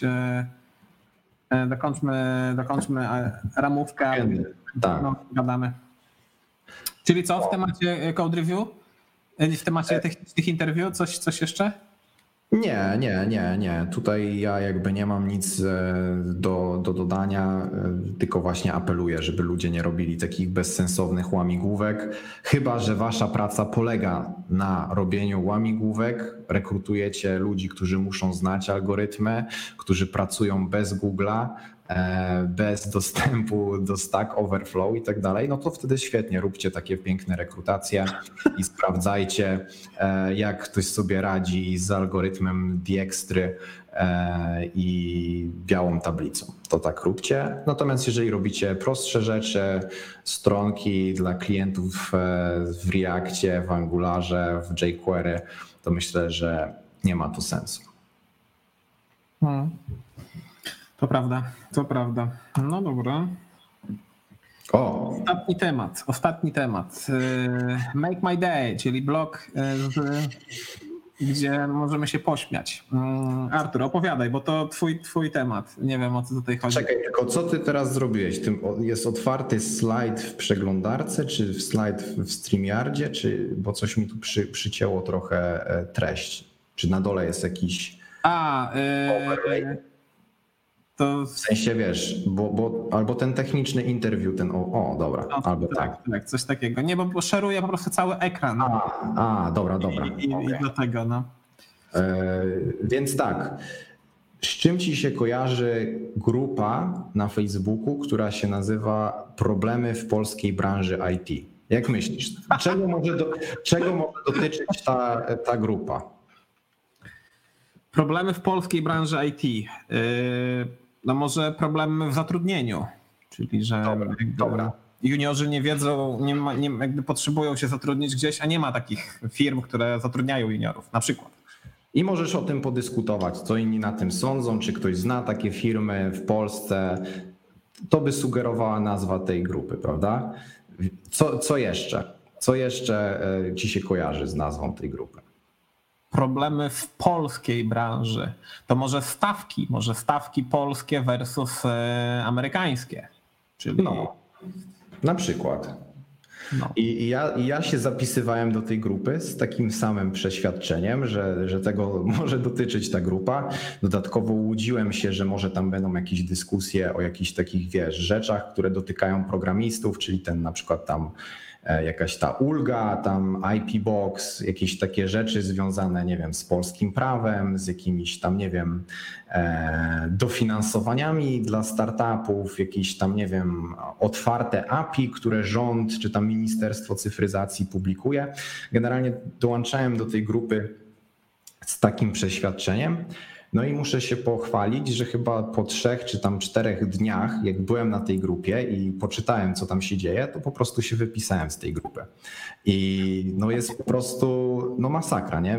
Trzy chyba posty, jakie widziałem, tak? To, to, to wam streszczę. E, Jeden post to właśnie, że się śmiali z firmy rekruterskiej, e, która podeszła jakoś tak e, dosyć. Możemy to puścić, ten, ten film. Ten wideo, tak? Tak, tak. To są dziewczyny z jakiejś firmy rekruterskiej, które mają jakieś ogłoszenie tam z muzyczką, coś tam się nazywają, jakoś tam rock czy tam rak ruterki i, i po prostu mają tam. E, puść to z dźwiękiem na chwileczkę, czy się nie da? Da się, da się. liczną. To proste. My wymyślamy pierwszy wers, a wy kolejne w komentarzach. Ten warunek to taki, że musi się rymować, musi pasować do naszego pierwszego wersu oraz być na temat technologiczny. I kolejna super wiadomość to No nasza dobra, możemy to już wyłączyć. Już chyba każdy wie o co chodzi. całkowicie za darmo. Może ogląda nas I wiesz, i ja na przykład jak widzę coś takiego w sieci, no to mi to jakoś, nie wiem, jeżeli ktoś uważa, że to jest ciekawe, zdobywają w ten sposób klientów, jakoś, nie wiem, nie rusza mnie to za bardzo. Może nie jest to mój wymarzony sposób zamieszczania ogłoszeń, ale jakby nie wzbudza to we mnie jakichś takich aż tak negatywnych emocji, a na tej grupie, no to tam po prostu, wiesz, taka ściana jakiś tam, e, wiesz, płaczy, podśmiechujków, tutaj jakichś takich po prostu toksycznych tak naprawdę e, rzeczy e, pod tym postem i tam, wiesz, takie, jak wchodzisz tam do sekcji komentarzy, to masz tam wrażenie, że tam jest wyścig, kto będzie bardziej złośliwy, kto tam bardziej jakby, yy, wiesz, doszuka się czegoś. To to był jeden post. Drugi post to widziałem, że jakiś gościu płakał, że w polskiej branży IT jest niby taki kierunek, że pracodawcy wolą ci dać jakieś benefity, typu tam, nie wiem, owocowe czwartki tam czy coś, zamiast wyższe wynagrodzenie. No i też znowu tam ściana, jakiś tam po prostu rak kontentu, e, jakichś tam dziwnych w ogóle dziw, dziwnych jakby rzeczy. Później to tam do kogoś się dowalili, że gościu wrzucił ogłoszenie o pracę z memem i też się pojawiła tam grupa uci- obrońców uciśnionych, że wiesz, że, że jak to, przecież to jest taka poważna branża, a tutaj ktoś tam śmiał wrzucić mema i wiesz, i tak po prostu jakby stwierdziłem, że nie, nie, od, odcinam się od tego, nie chcę więcej po prostu e, widzieć tego typu rzeczy i opuściłem tą grupę. Ale ty rozumiem, nie byłeś w tej grupie i nie wiesz, co tam się dzieje za bardzo. Nie, nie byłem, nie wiem i też jakby nie chcę wiedzieć, bo y, jakby ja, ja mogę, y, mogę z, z pogadać z tobą z innymi na, na, na różne problemy, ale jakby nie, nie komentuję, wiesz, tak publicznie y, tego, co, co, co tam w życiu IT się dzieje, tworząc jakieś takie komentarze czy negatywne artykuły, jakby obrażające, czy jakby dyskryminujące kogoś, jakby to nie jest y, coś, co jakby y, coś, co chcę robić, bo y, to później zostaje, to później widać, jakby ktoś później będzie poszukiwał pracy, a wrzuca trudną treść na Facebooka, no to, no to później to widać i jakby świat jest mały. Nie? Można mhm. pracować w takiej branży, ale świat jest mały i prędzej czy później jakieś przykre newsy e, się tam usłyszy. Także no oczywiście każdy ma jakieś swoje zdanie, okej, okay, super, e, no ale też w sieci bądźmy ludźmi. No i jeśli ktoś w sieci pisze do kogoś jakieś no, niemiłe słowa, no to ciekaw jestem, czy tak twarzą w twarz też by takie niemiłe słowa e, powiedział tej drugiej osobie, nie? Tak, tak, bo, bo też, też tu trzeba jasno powiedzieć, że ja jakby też mi nie chodzi o to, że nie wiem, jak są tam jakieś takie rzeczy typu te właśnie rock routerki czy coś tam innego, że każdy może napisać tylko pozytywny komentarz, a jak mu się to nie podoba, to ma zamknąć e, twarz na wieki, prawda? Też, też mi nie o to chodzi, nie? Ale bardziej mi chodzi o taki po prostu jakby że wiesz, że, że tam nie były tam jakieś negatywne opinie. Tam był po prostu, no nie wiem, toksyczne rzeczy, tak? I, i, i dlatego też uważam i od, ostatnio mam po prostu taką jakby zasadę, że jeżeli e, na Facebooku czy, czy na Instagramie coś mnie wkurza, albo widzę jakąś właśnie negatywną emocję, czy coś takiego, co powoduje, że mam ochotę, nie wiem, odpisać na to, czy coś, to po prostu wywalam to w cholerę. Po prostu to, wiesz, ukrywam albo unfollowuję, wypisuję się z tego, po prostu E, było parę grupów, grup takich na Facebooku, tam nie wiem, ze Szczecina, bo jestem ze Szczecina, że tam nie wiem, ludzie się tam opluwali wzajemnie, sąsiedzi tam na jakiejś dzielnicy i tak dalej, że ktoś tam komuś zdjęcie zrobił i tak dalej. I ja to tak zawsze scrollowałem, tak czytałem to i tak się zastanowiłem w pewnym momencie, po co ja w ogóle patrzę na to, po co ja w ogóle marnuję jakby, nie wiem, e, energię, żeby w ogóle to czytać i zastanawiać się nad tym, nie? Więc e, po prostu stwierdziłem, że zawsze jak coś coś mi tak nie pasuje, po prostu trzeba to wywalić, usunąć i, i iść dalej, nie?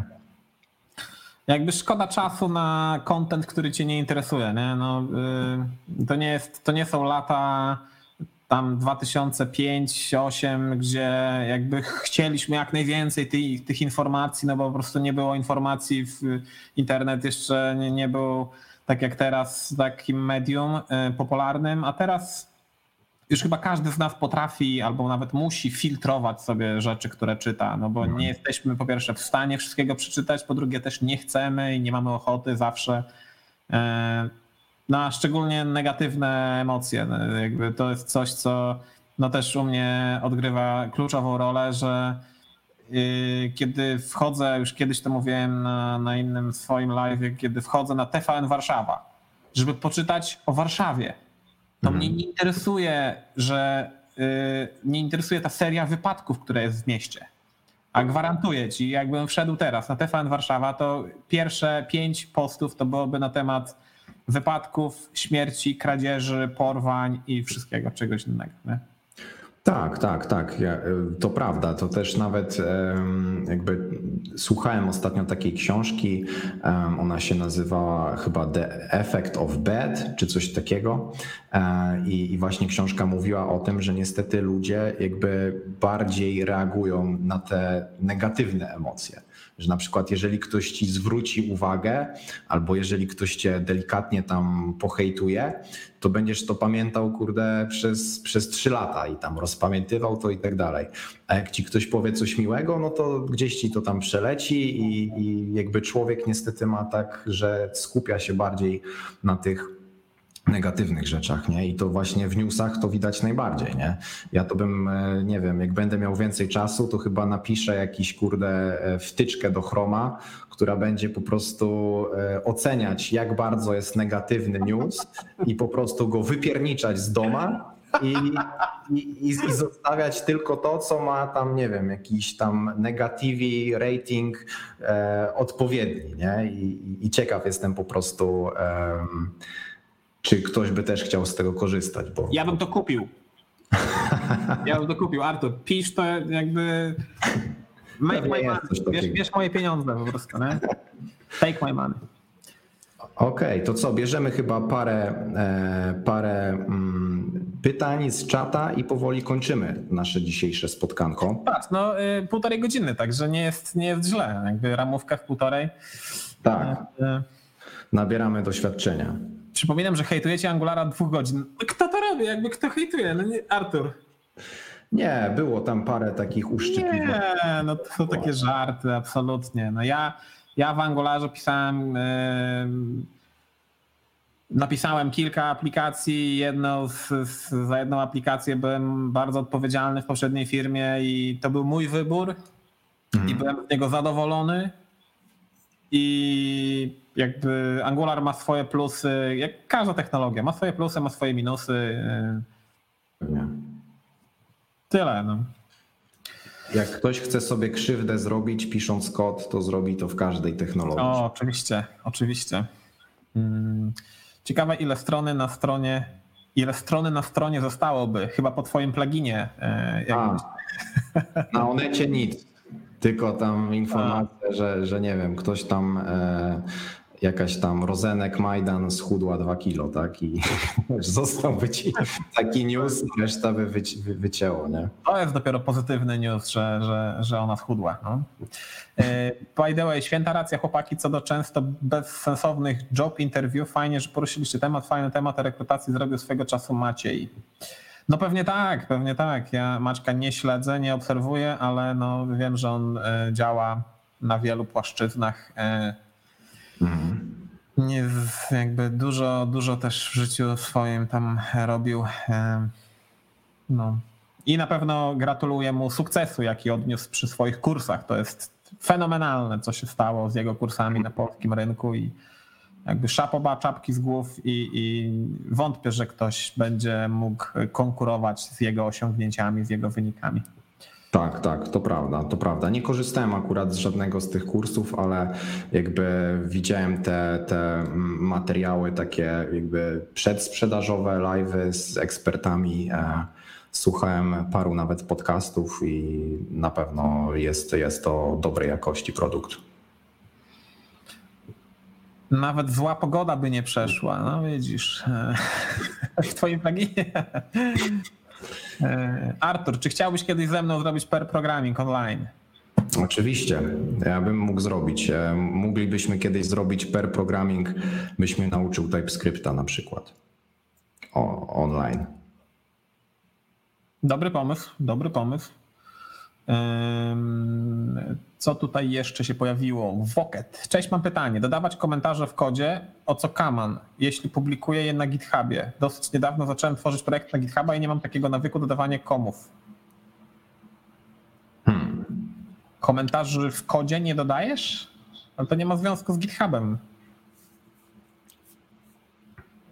Komentarze w kodzie dla mnie na przykład osobiście, komentarze w kodzie są bardzo cenne kiedy opisujesz, kiedy masz y, sytuację, w której dana konstrukcja jest mm, zaskakująca. Mhm. Bardzo często tak jest, że jest jakiś if, w którym jest dziwny warunek, jakby taki warunek, który no nie powinien mieć miejsca y, przy takiej logice z pierwszy, jakby na pierwszy rzut oka, która się wydaje dosyć prosta. Ale nagle pojawia się if i ten if jakby nie wiadomo, czy on jest dobry, czy on jest zły. No to taki komentarz jednolinijkowy może uratować aplikację przed tym, żeby taki if ciągle pozostał, a nie żeby go usunąć. Także Mhm. komentarze w kodzie są cenne. Oczywiście co, nie- co za dużo, to, to świnia nie zje, więc to nie o to chodzi, ale e, żeby tam komentować wszystkie getery, setery, tak zwany ten JS doc, który się pisało, żeby dokumentacja się tworzyła. No, ale komentarze są cenne. Jak, jak ty uważasz? Tak, tak. No ja się zgadzam z Tobą w 100%. Jeżeli jest jakiś po prostu jakieś takie rozwiązanie, że patrzysz na to i masz jakiś mindfuck, po co ktoś to zrobił, albo co to w ogóle jest, tak? Jakieś tam wywołanie, jakiś tam e, dzi- dziwna konstrukcja, to oczywiście uważam, że jest sens zostawić ten komentarz. Tylko wtedy uważam, że pisząc komentarze trzeba się naprawdę, naprawdę skupić na pisaniu tego komentarza, bo dużo jest komentarzy takich, że ktoś ci coś napisze w taki sposób, że jak faktycznie jest to nagle potrzebne po roku, po półtorej i tak dalej, to nagle się okazuje, że czytasz komentarz i nie masz pojęcia w ogóle y, o co autorowi chodziło. Więc ja uważam, że jeżeli ktoś faktycznie pisze komentarz, to koniecznie musi się em, koniecznie zastanowić nad tym. O właśnie, tutaj widzę, że polecasz. e, Przypomniałem sobie, wiesz, przypomniałem sobie, y, że napisałem kiedyś artykuł komentujący komentujący książkę, czekaj, żeby to dobrze wyświetlić tutaj u nas. y, Clean Code oczywiście. Mhm, I, i wybrałem z tej książki kilka takich y, cytatów. cytatów i, i, i ze swoją opinią. E, Bardzo fajna książka, jedna z dwóch, które obecnie polecam. E, Mhm. No i na przykład to, co. To, co może nie, nie powiedziałeś do, do, dokładnie, ale że za każdym razem, gdy piszemy kod, gdy piszemy komentarz, powinniśmy poczuć smak porażki. E, Czyli no. y, Widocznie ten komentarz, który piszemy, a chcemy go napisać, no, no, no, tłumaczy jakąś historię, która nie jest, nie jest trywialna. Tak, tak. Jest jakiś edge case, jest coś, co niestety musimy napisać, żeby, nie wiem, algorytm działał, żeby jakiś pokryć właśnie e, funkcjonalność. No a tutaj jest sytuacja, że ten komentarz no, jest potrzebny. Mm, Ale co jak, co jak jesteśmy przy komentarzach, to trzeba jasno powiedzieć, że trzeba e, po prostu e, no, odkrajać komuś rękę, jak ktoś zakomentowuje kod i zostawia go w repo. Ludzie, przecież jeżeli korzystacie z Gita, z jakiegoś systemu kontroli wersji. I faktycznie myślicie, że coś, co zakomentujecie, e, jest wam, będzie potrzebne, no to wystarczy mieć to w Git historii albo wystarczy zrobić z tego jakiś snippet e, wewnątrz repozytorium. I to jest jakby właściwa droga, żeby postępować, bo ja po prostu jak widzę, e, że ktoś komituje do repo zakomentowany kod, to po prostu nigdy się na to nie zgadzam, bo później to się kończy tak, że za rok ktoś na to patrzy i mówi, a nie wywalę tego, bo to pewnie jakieś ważne. I później nie wiesz, czy to jest ważne, czy ktoś to zostawił tak naprawdę na dwa lata, zapomniał o tym, więc e, jakby nie wiem, chyba że faktycznie musisz coś zakomentować, żeby tam, nie wiem, uniknąć jakiegoś konfliktu z kolegą, tam, nie wiem, coś tam e, się dogadaliście, że to zostaje tam, nie wiem, do jutra, wieczór albo coś, spoko, ale takie zakomentowywanie kodu jest straszne, bo później każdy na to patrzy i się zastanawia, co to jest, czy to potrzebne, czy to niepotrzebne, może potrzebne. Mało tego, trzeba taki kod zakomentowany też utrzymywać, no bo jeśli na przykład ten kod zakomentowany jest wewnątrz innego jakby całego pliku i w którym na przykład robisz replace'a nazwy zmiennej i ta Mhm. zmienna jest też, wiesz, w kodzie zakomentowanym, no to też musisz zaktualizować ten zakomentowany kod, nie? Generuje to jakiś tam niepotrzebny taki wysiłek. Mm. Jedźmy dalej. Skąd czerpać informacje na temat pisania dobrego kodu na froncie? Jakieś przykłady? No to chyba ta książka Clean Code, ona jest taka generyczna, ale e, na pewno elementarz, jeśli chodzi o wytwarzanie software'u. Mhm. Jeżeli chodzi o JavaScript, to jest książka, którą polecam, e, jeżeli chodzi o pisanie takich e, właśnie dobrego kodu. Ona się nazywa mm, Tajniki języka JavaScript. I tam masz każdy, jakby tam jest kilka części. Jest na przykład część tajniki języka JavaScript, zakresy i domknięcia, wskaźnik this. Masz tam różne, jakby nazwijmy to podksiążki. E, I swojego czasu czytałem tą książkę. Nie wiem, czy ona jest teraz e, aktualna, czy autor ją jakby uaktualnił, ale e, swojego czasu była to naprawdę fajna książka. Jeżeli chodzi o JavaScript. Tak, to jest przetłumaczona na polski e, książ... no, ten zbiór książek You Don't Know JS autorstwa Kyla Simpsona. I on No. teraz e, dostałem powiadomienie, że on e, właśnie, nie wiem, z dwa tygodnie temu, tydzień temu e, na Amazonie wypuścił e, drugą wersję, O. jeśli można tak powiedzieć, jakby aktualizację. O, O, to super. no. Polecam, polecam. Kiedy IE 11 umrze? Ależ negatywny komentarz tu jest. Jakby, kiedy nie będziesz, kiedy będziesz się cieszył z tego, że nie będziesz musiał wspierać. No, można inaczej zadać pytanie, no, pozytywnie. No, to jest dobre pytanie. Współczujemy. Eee, czy Google ubije Fluttera? Nie wiem, nie wiem, co to jest Flutter. Nie, nie wiem. Flutter to taki React Native, tylko że od Google'a niby. Dużo ma pozytywnych opinii, ale ja jakby nie, nie wiem nic na ten temat. Nie korzystałem, nie wiem jak to wygląda, czy to lepsze, czy to gorsze, więc cholera wie, czy ubiją go.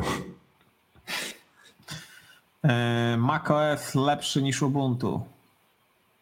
No, według mnie tak. Ja po tych yy, kilkunastu latach pracy na wszystkich systemach yy, stwierdzam, że na pewno na macOSie. macOS dla mnie to jest taki Linux, tylko że nie muszę martwić się o, o konfigurację czegokolwiek. No jakby podłączam urządzenie i działa i nie muszę. Ja nie, w ogóle sterowników nigdy nie instalowałem na macOSie. Po prostu to nie. Jeszcze jak masz e, w domu jakieś inne narzędzia, jakieś inne sprzęty z jabłuszkiem, no to w ogóle się okazuje, że to wszystko się po prostu tak No. pięknie łączy ze sobą, e, że człowiek się od tego naprawdę uzależnia, nie? że tu możesz na SMS-a odpisać przez e, komputer, tutaj słuchawki, jak masz AirPodsy, to to wszystko ci się od razu łączy w czasie prawie że rzeczywistym, nie musisz się zastanawiać, tam parować urządzeń i tak dalej. Więc e, MacOS jest fajny, aczkolwiek uważam, że kiedyś był to chyba bardziej stabilny system, bo e, pamiętam jak miałem Mavericksa, to z Mavericksem nigdy nie miałem żadnych problemów. Wszystko po prostu działało. A teraz jednak te systemy mam wrażenie, że są czasami jakieś fuck-upy, że tu mi się zatnie ten Mac, nie wiem, tam raz w miesiącu czy coś. Tutaj na przykład Time Machine nie działa nagle, albo nie wiem, zajmuje mi 60 giga na dysku i w zasadzie nie, wiem, czy to jest spowodowane, że u mnie coś jest spierniczone, czy, czy z tym Time Machine'em. Więc mam wrażenie, że ten system jest dobry, ale jakby stracił na jakości w ostatnich latach. No jak wszystko. Jak wszystko. Ym, Czy ktoś z Was mógłby nagrać bloga? Vloga pewnie, jak wygląda jego praca. Ja programowanie traktuję hobbystycznie, ale z chęcią bym zobaczył, jak to jest w Polsce, jakie problemy na przykład rozwiązujecie. No takie problemy jak każdy na świecie rozwiązuje jako deweloper. No to praca dewelopera to taka, no wiesz, siedzisz przed komputerem, klepiesz i, jakby Googlujesz, googlujesz Stack Overflow, czytasz, uczysz, y, irytujesz się, tak jak ja dzisiaj na przykład. Już dobra, nie wracam do tego. No, znaczy ja na pewno nie nagram chyba vloga na ten temat, bo nie wiedziałbym jakby to zrobić ciekawie, tak, żeby, żeby ktoś po prostu coś wyniósł z tego materiału, tak. Jednak staram się po prostu, jeżeli w pracy coś zrobię albo się nauczę i mam, mam takie przeświadczenie, że jestem to w jakiś sposób prosto komuś przekazać, pokazać na filmiku, no to wtedy coś takiego nagrywam, ale jakby jednak w takiej codziennej pracy e, rzadko się to zdarza, tak? Jednak często jest tak, że po prostu trzeba wykonać robotę, która jest nudna, nieciekawa i nie, nie masz ochoty wracać do tego później po pracy, nagrywając filmik. No to prawda. No to prawda. Mm, ale z chęcią bym obejrzał jakiś taki film e, 10-minutowy z, z dnia, jednego dnia programisty. E, I timelapse, że tak szybko wszystko. Te... nie, nie, nie. Jakby taki faktycznie, że wiesz, że dużo się dzieje, że są spotkania i.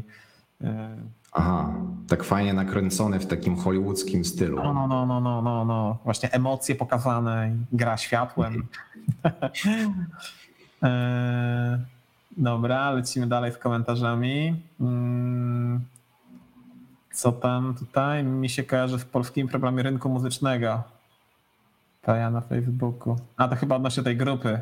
A, no tak, to myślę, że każda, każda branża e, ma taką swoją toxic grupkę na Facebooku, gdzie można wejść i po prostu e, wejść w gniazdo żmi i, i myślę, że w każdej branży się taka znajdzie.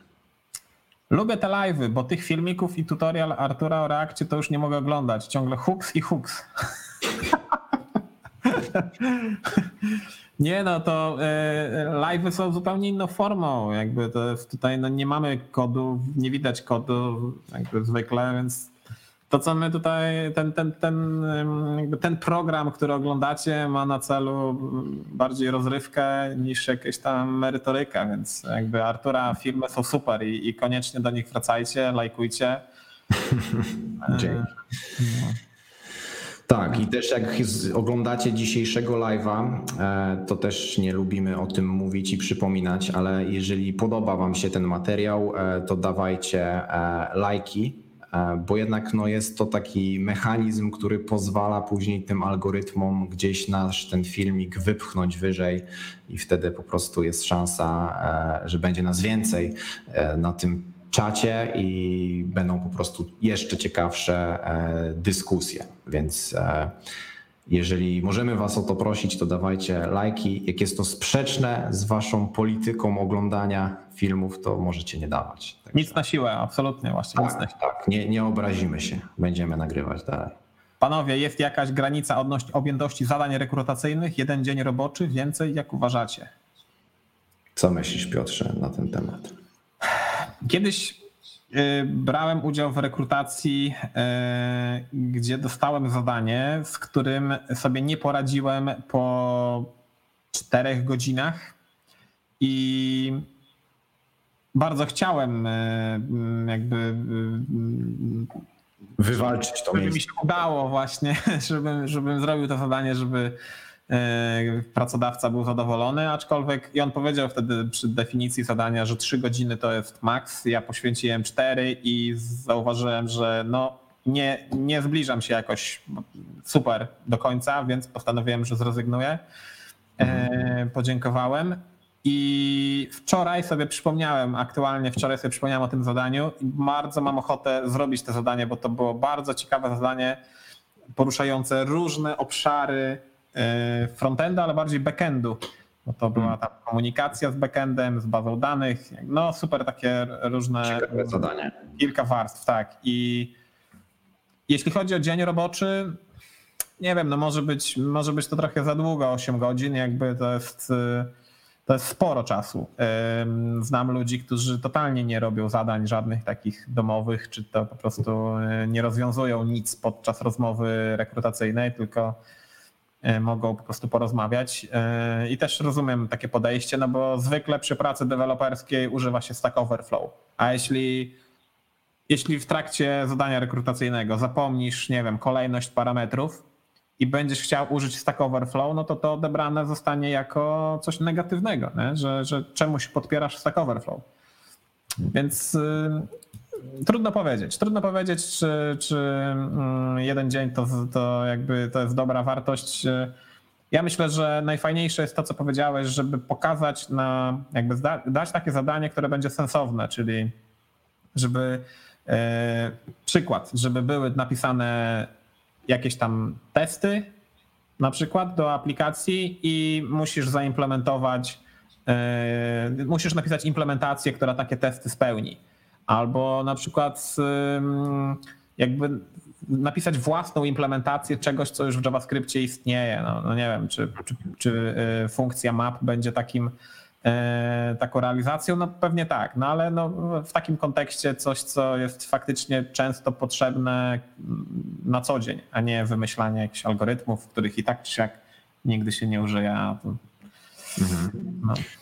Ja bym do tego jeszcze opowiedział swoją taką anegdotkę. E, Pamiętam kiedyś e, wystartowałem e, w rekrutacji do takiej firmy, która była z Norwegii i byłem bardzo podjarany tą rekrutacją.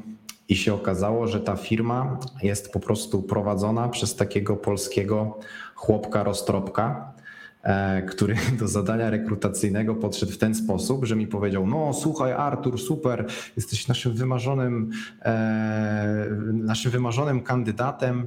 E, Tutaj musisz zakodować taką stronkę e, dla pizzerii e, w Norwegii. Tutaj jest tam e, mapa, tutaj jest coś tam, nie? I ja tak wiesz, tak słucham tego i tak mówię: Dobra, dobra, spoko, to tutaj wam zrobię jakąś taką prostą stronkę. Coś tam miałem zrobić na backendzie. Wysłałem to zadanie, tak poświęciłem na nie, nie wiem, 4 godziny chyba maksymalnie. Starałem się to tak zrobić po prostu, żeby pokazać, że kminie, jak się połączyć z API, jak tam zrobić backend do tego, jak coś tam wyświetlić, jak skorzystać z, tam z Google Ma- Maps API. Tak skupiłem się na tym, że może to nie wyglądało świetnie, ale starałem się jakby sprzedać swoje możliwości. Na co ten chłop powiedział mi, no dobrze, fajnie, ale tutaj na przykład e, popraw coś tam, popraw coś tam. No i wiecie, mega mi zależało na tej pracy, więc poprawiłem mu to, wysłałem i ta strona w zasadzie już trochę wyglądała tak, jakby ktoś mógł za, zacząć z niej korzystać. I ten facet, zamiast w końcu ofiarować mi tą pracę i zacząć po prostu płacić za godziny mojego czasu, to on chyba po prostu myślał, że znalazł takiego jelenia i po prostu ciągle tam mówił, e, no tu jeszcze trzeba coś dorobić, tu coś. Ja do niego w końcu mówię, e, słuchaj, czy to jest dalej rekrutacja, czy to są już jakieś e, change requesty, tak? Musimy porozmawiać jakby o dalszych krokach, bo widzicie, że zrobiłem backend, zrobiłem frontend, więc co wy tutaj chcecie tak naprawdę dalej jeszcze sprawdzać? No i niestety kontakt się urwał. Więc podejrzewam, że to był po prostu tego chłopka, roztropka, bo tak go będę nazywał, e, biznesplan po prostu na wytwarzanie aplikacji. No, bardzo smutne, współczuję. No niestety czasami się zdarzają takie sytuacje i, i mm, to już też słyszałem od, od innych osób, że zadanie rekrutacyjne zostało opublikowane i, i oddane ludziom do, do, do, do korzystania zamiast e, no jakby kto jest autorem, kto jest właścicielem takiego zadania rekrutacyjnego, jakby tego kodu, który wytworzyłeś. No ty jesteś jego właścicielem, więc no nikt nie może takiego kodu opublikować, no bo jakby nie, nie, nie upoważniłeś takiej osoby, nie przekazałeś ani praw autorskich, jakby no, no nic nie, jakby nie sprzedałeś tego, nie? Więc y, absolutnie to jest, według mnie to powinno być karalne, że, że ktoś wykorzystał tą pracę na rozmowie, z, z rozmowy, z, z, jakby z zadania domowego mm, wykorzystał do swojego biznesu. No to jest oszustwo, w skrócie mówiąc, po prostu. Eee, Robicie bardzo fajną robotę z tymi spotkaniami. Dzięki Antero, dzięki, dzięki. Możecie polecić jakiegoś SASa do wideokoli z WebRTC pod JS React. Korzystam z Connect Cube, ale nie jestem przekonany i myślę o zmianie. Żeby użyć takiego SASa u siebie na, na serwerze? Nie wiem. Znaczy ja nie rozumiem trochę po co chodzi tutaj z tym JS i React, tak? Bo jeżeli ktoś szuka jakiejś takiej platformy, żeby mm, zbudować sobie taki czat z użyciem e, JS Reacta i WebRTC, to ostatnio właśnie mignął mi taki projekt e, WebRTC open source'owy. Gościu bardzo fajną robotę zrobił, tylko teraz oczywiście go kurczę nie znajdę ale widziałem właśnie, że gościu zrobił fajny projekt, e, że masz serwis w Node.jsie, który jakby jest w stanie połączyć ze sobą e, dwie osoby rozmawiające i połączyć je praktycznie peer-to-peer e, z użyciem WebRTC. I, i tak, tak, tak, tak naprawdę był to bardzo fajny, prosty kod, ale mm, jakby teraz, teraz nie pamiętam tego projektu. Ale takiego sasa typowego, żeby ktoś mógł z tego skorzystać, oprogramować to sobie e, z, z użyciem Reacta i JS-a, to nie słyszałem o czymś takim. No, ja, ja też nie, ja też nie, absolutnie. Yy, Ale jeśli chodzi o Reacta po stronie klienta, to polecam Jitsi, bo tam jest React. No tylko, że Jitsi to nie jest, yy, to nie jest WebRTC. Mhm. Jakiś jabarowy protokół. Leci łapa i cyk łapa. Rozumiem, że chodzi o lajki, tak? Że, yy. Mhm. Zróbcie to zadanie razem na live. A, Artur, to twoje zadanie, yy, Marek chciałby, żebyśmy zrobili na live streamingu.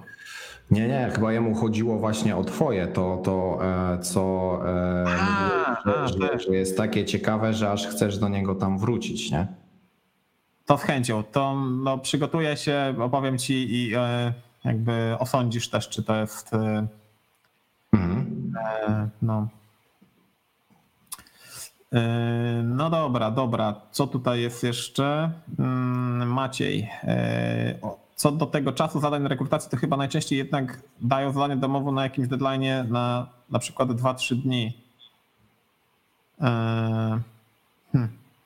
Na za, dwa- na, za, dwa- na za 2-3 dni, okej. E, No to deadline spoko, ale ile czasu ty poświęcisz na to zadanie, nie? Tak, tak, tak, bo to też właśnie warto, żeby to zdanie e, było, zadanie, żeby było tak skonstruowane, żebyś ty nie musiał poświęcić na nie 8 godzin, a nawet jeżeli poświęcasz na nie 8 godzin, to powinien to być sygnał, myślę, dla ciebie, że jakby może nie do końca się nadajesz na tą e, jakby ofertę, tak, bo też wydaje mi się, że powinien określić ten pracodawca czy ta osoba przeprowadzająca e, rekrutację, e, jakby w jakich ramach czasowych spodziewają się, że to zrobisz, prawda? Bo też nie sztuką jest, że dostaniesz, e, nazwijmy to proste zadanie w cudzysłowie, na które tam w końcu wydusisz je po, po dwóch tygodniach, tak? Jak ktoś się na przykład spodziewa, że zrobisz je w 4 godziny maksymalnie, prawda? Bo na przykład e, szukają takiej akurat osoby.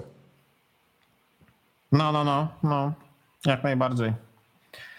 E, Świat się zmienia, nigdy nie miałem zadań rekrutacyjnych do domu. Zawsze maglowane było u rekrutera na bieżąco. No to prawda, aczkolwiek e, te zadania domowe e, no też trochę jakby urzeczywistniają sytuację taką codzienną, że jesteś, z, jesteś jakby z zadaniem w pracy, nikt ciebie nie kontroluje, czyli używasz, używasz mm, internetu i wszystkiego, co jakby jest dostępne spod ręką, żeby stworzyć coś tam, nie? I to ten wynik jest najważniejszy dla pracodawcy. Nie to, że, znaczy wynik, no jak, jak tam oczywiście, jak, jaki masz tok myślenia i, i, i tak dalej, ale no ten wynik, który zostanie później sprzedany klientowi, no to to się liczy. No. To, że używasz, że to, że będziesz używał Stack Overflow, no to super, to dobrze, no jakby no każdy z nas używa i będzie używał, no to się nie zmieni. Jakby Mhm. Czemu to ma być, e, czemu to ma być zabronione?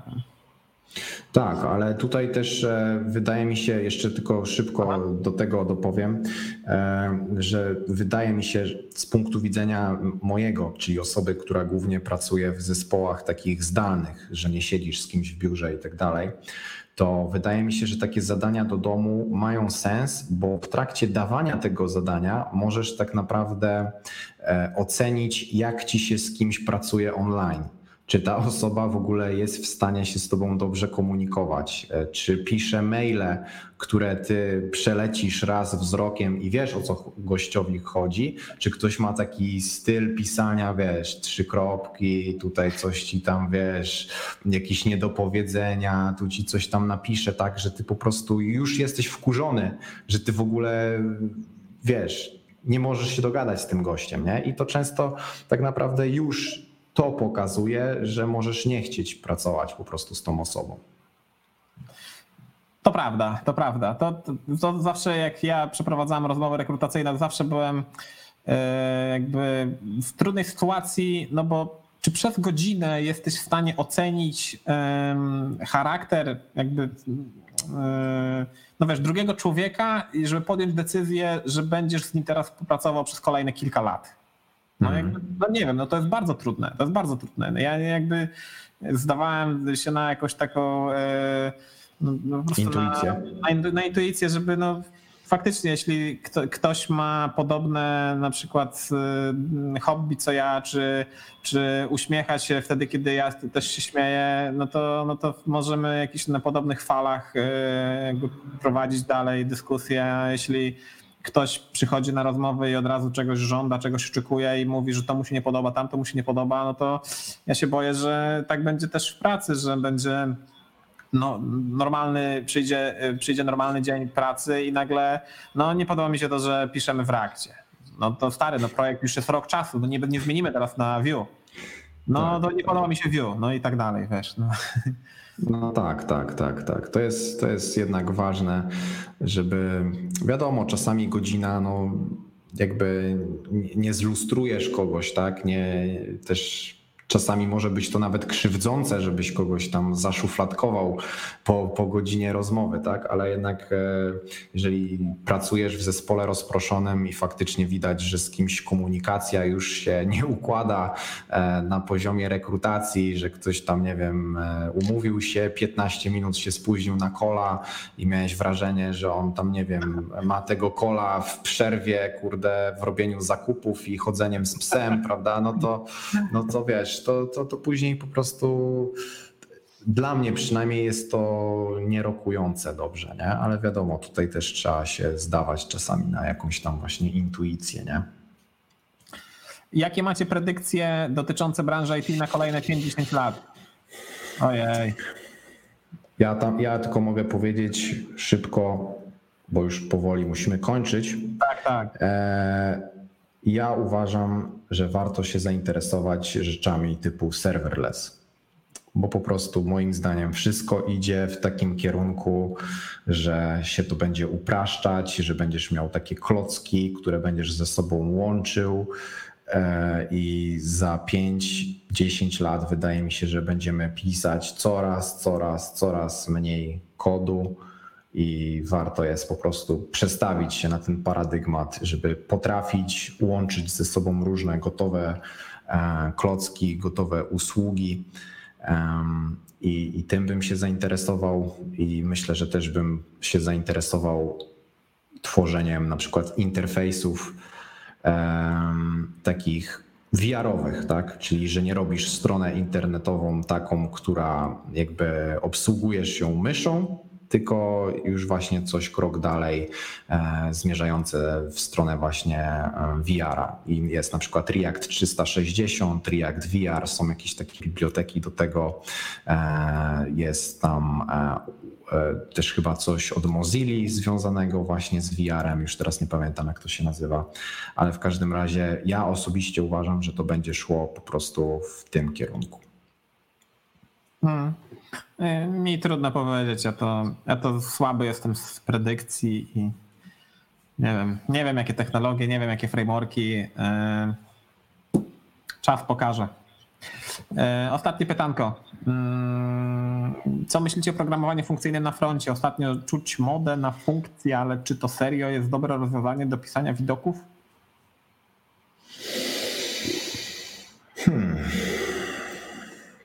Jeśli chodzi o programowanie funkcyjne, to jest koncept bardzo stary. Czy myślicie o programowaniu funkcyjnym na froncie? No, y, tworząc, y, tworząc aplikacje w oparciu o Reduxa, tworzysz kod, y, który bazuje na programowaniu funkcyjnym, bo te reducery, które są z definicji czystymi funkcjami, nie modyfikują stanu, tylko zwracają zawsze coś nowego no to to jest przykład pure function, więc y, jak widać, programowanie funkcyjne jest w modzie i może nie w modzie, tylko no, znajduje swoje zastosowanie przy tworzeniu widoków i to jest po prostu pewna koncepcja, która jest wykorzystana w, w, w bibliotekach e, do tworzenia. Czy, czy to jest dobre rozwiązanie? No, y, sprawdza się, działa, może generuje jakieś ograniczenia, ale to dobrze. Mm. Ja uważam, że, że spoko. No może tylko trzeba jak najbardziej znaleźć złoty środek, żeby nie przesadzać i nie, jakby nie pozbywać się klas e, na rzecz e, tylko i wyłącznie czystych funkcji, bo y, no, możemy doprowadzić do sytuacji, że będziemy mieli bardzo dużo, bardzo małych funkcji, będziemy musieli pamiętać bardzo dużo nazw. Tak, ja, ja, ja, ja tylko dodam może do tego, co ty powiedziałeś, że jakby programowanie funkcyjne, e, jakby moim zdaniem przynajmniej e, pasuje w niektórych przypadkach, ale jakby nie lubię czegoś takiego, jak ktoś, wiesz, nauczy się na przykład tam paru trików, i nagle ci do tej aplikacji wrzuca wszędzie, tam wiesz, lodasza, wszędzie ci wrzuca ramdę i ty później patrzysz na coś i tak się zastanawiasz, kurde, co to jest, nie? A tam wiesz, gościu jakieś tam um, funkcje w funkcji odpala do funkcji, coś tam wiesz, tu jakiś caring, tu coś i tak naprawdę w imię czego to jest, tak? E, w imię tego, że ktoś się nauczył programowania funkcyjnego i teraz wiesz, widzi wszędzie zastosowanie, dlatego uważam, że na pewno są przypadki, kiedy warto skorzystać z tego paradygmatu i on poprawia jakby czytelność, poprawia jakby elastyczność, ale jakby jestem przeciwnikiem, żeby jakby pchać to wszędzie, bo jednak czasami może się okazać, że po prostu jakby tobie się w tym świetnie pisze, ale na przykład ktoś z zespołu nie potrafi się na to przestawić albo nie chce i, i tak naprawdę później się trochę robi, wiesz, e, taka samowola, nie? że ten tutaj napiernicza funkcyjnie, ten coś tam pisze tak jak mu wygodnie i, i, i później ciężko jest się poruszać w tej aplikacji. Zgadzam się, zgadzam się. Mm, Artur, wybieramy jeszcze jakieś pytanie? Nie, myślę, że kończymy. Już dzisiaj sporo pytań poszło. E, dziękujemy za ciekawe pytania. Dziękujemy, że zostaliście z nami tak licznie e, do końca mm, tego live'a. Oczywiście, jak zwykle, zasady pozostają niezmienne. Jeżeli e, macie jakieś uwagi, jakiś feedback, e, jakieś może właśnie propozycje na jakieś kolejne odcinki, co byśmy powinni, co Waszym zdaniem moglibyśmy omówić, czy właśnie jakieś takie mm, propozycje typu ten live coding i tak dalej, to dawajcie znać, bo myślę, że jesteśmy jakby otwarci na to i, i po prostu fajnie, żeby mieć z Wami ten dialog. Tak, jak najbardziej. E, dzięki za dzisiaj. Mm, trudno powiedzieć do zobaczenia kiedy, bo jeszcze nie ustaliliśmy e, z Arturem e, edycji piątej, ale tak. ma, mam nadzieję, że taka piąta edycja powstanie w przyszłym tygodniu. Pewnie, dogadamy szczegóły, ale myślę, że tak. Na backstage'u. tak, tak. Dzięki za dzisiaj. Jeśli film Wam się spodobał, to możecie zostawić tą łapeczkę.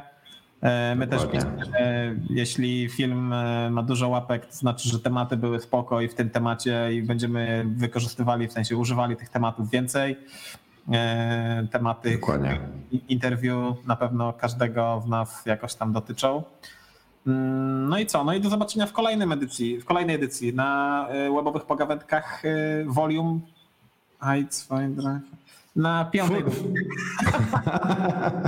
no, tak, tak, fuf. E, o, mamy, mamy już pro, jakby propozycję. E, super. Dzięki, do zobaczenia, do usłyszenia. Piona. Trzymajcie się. Cześć.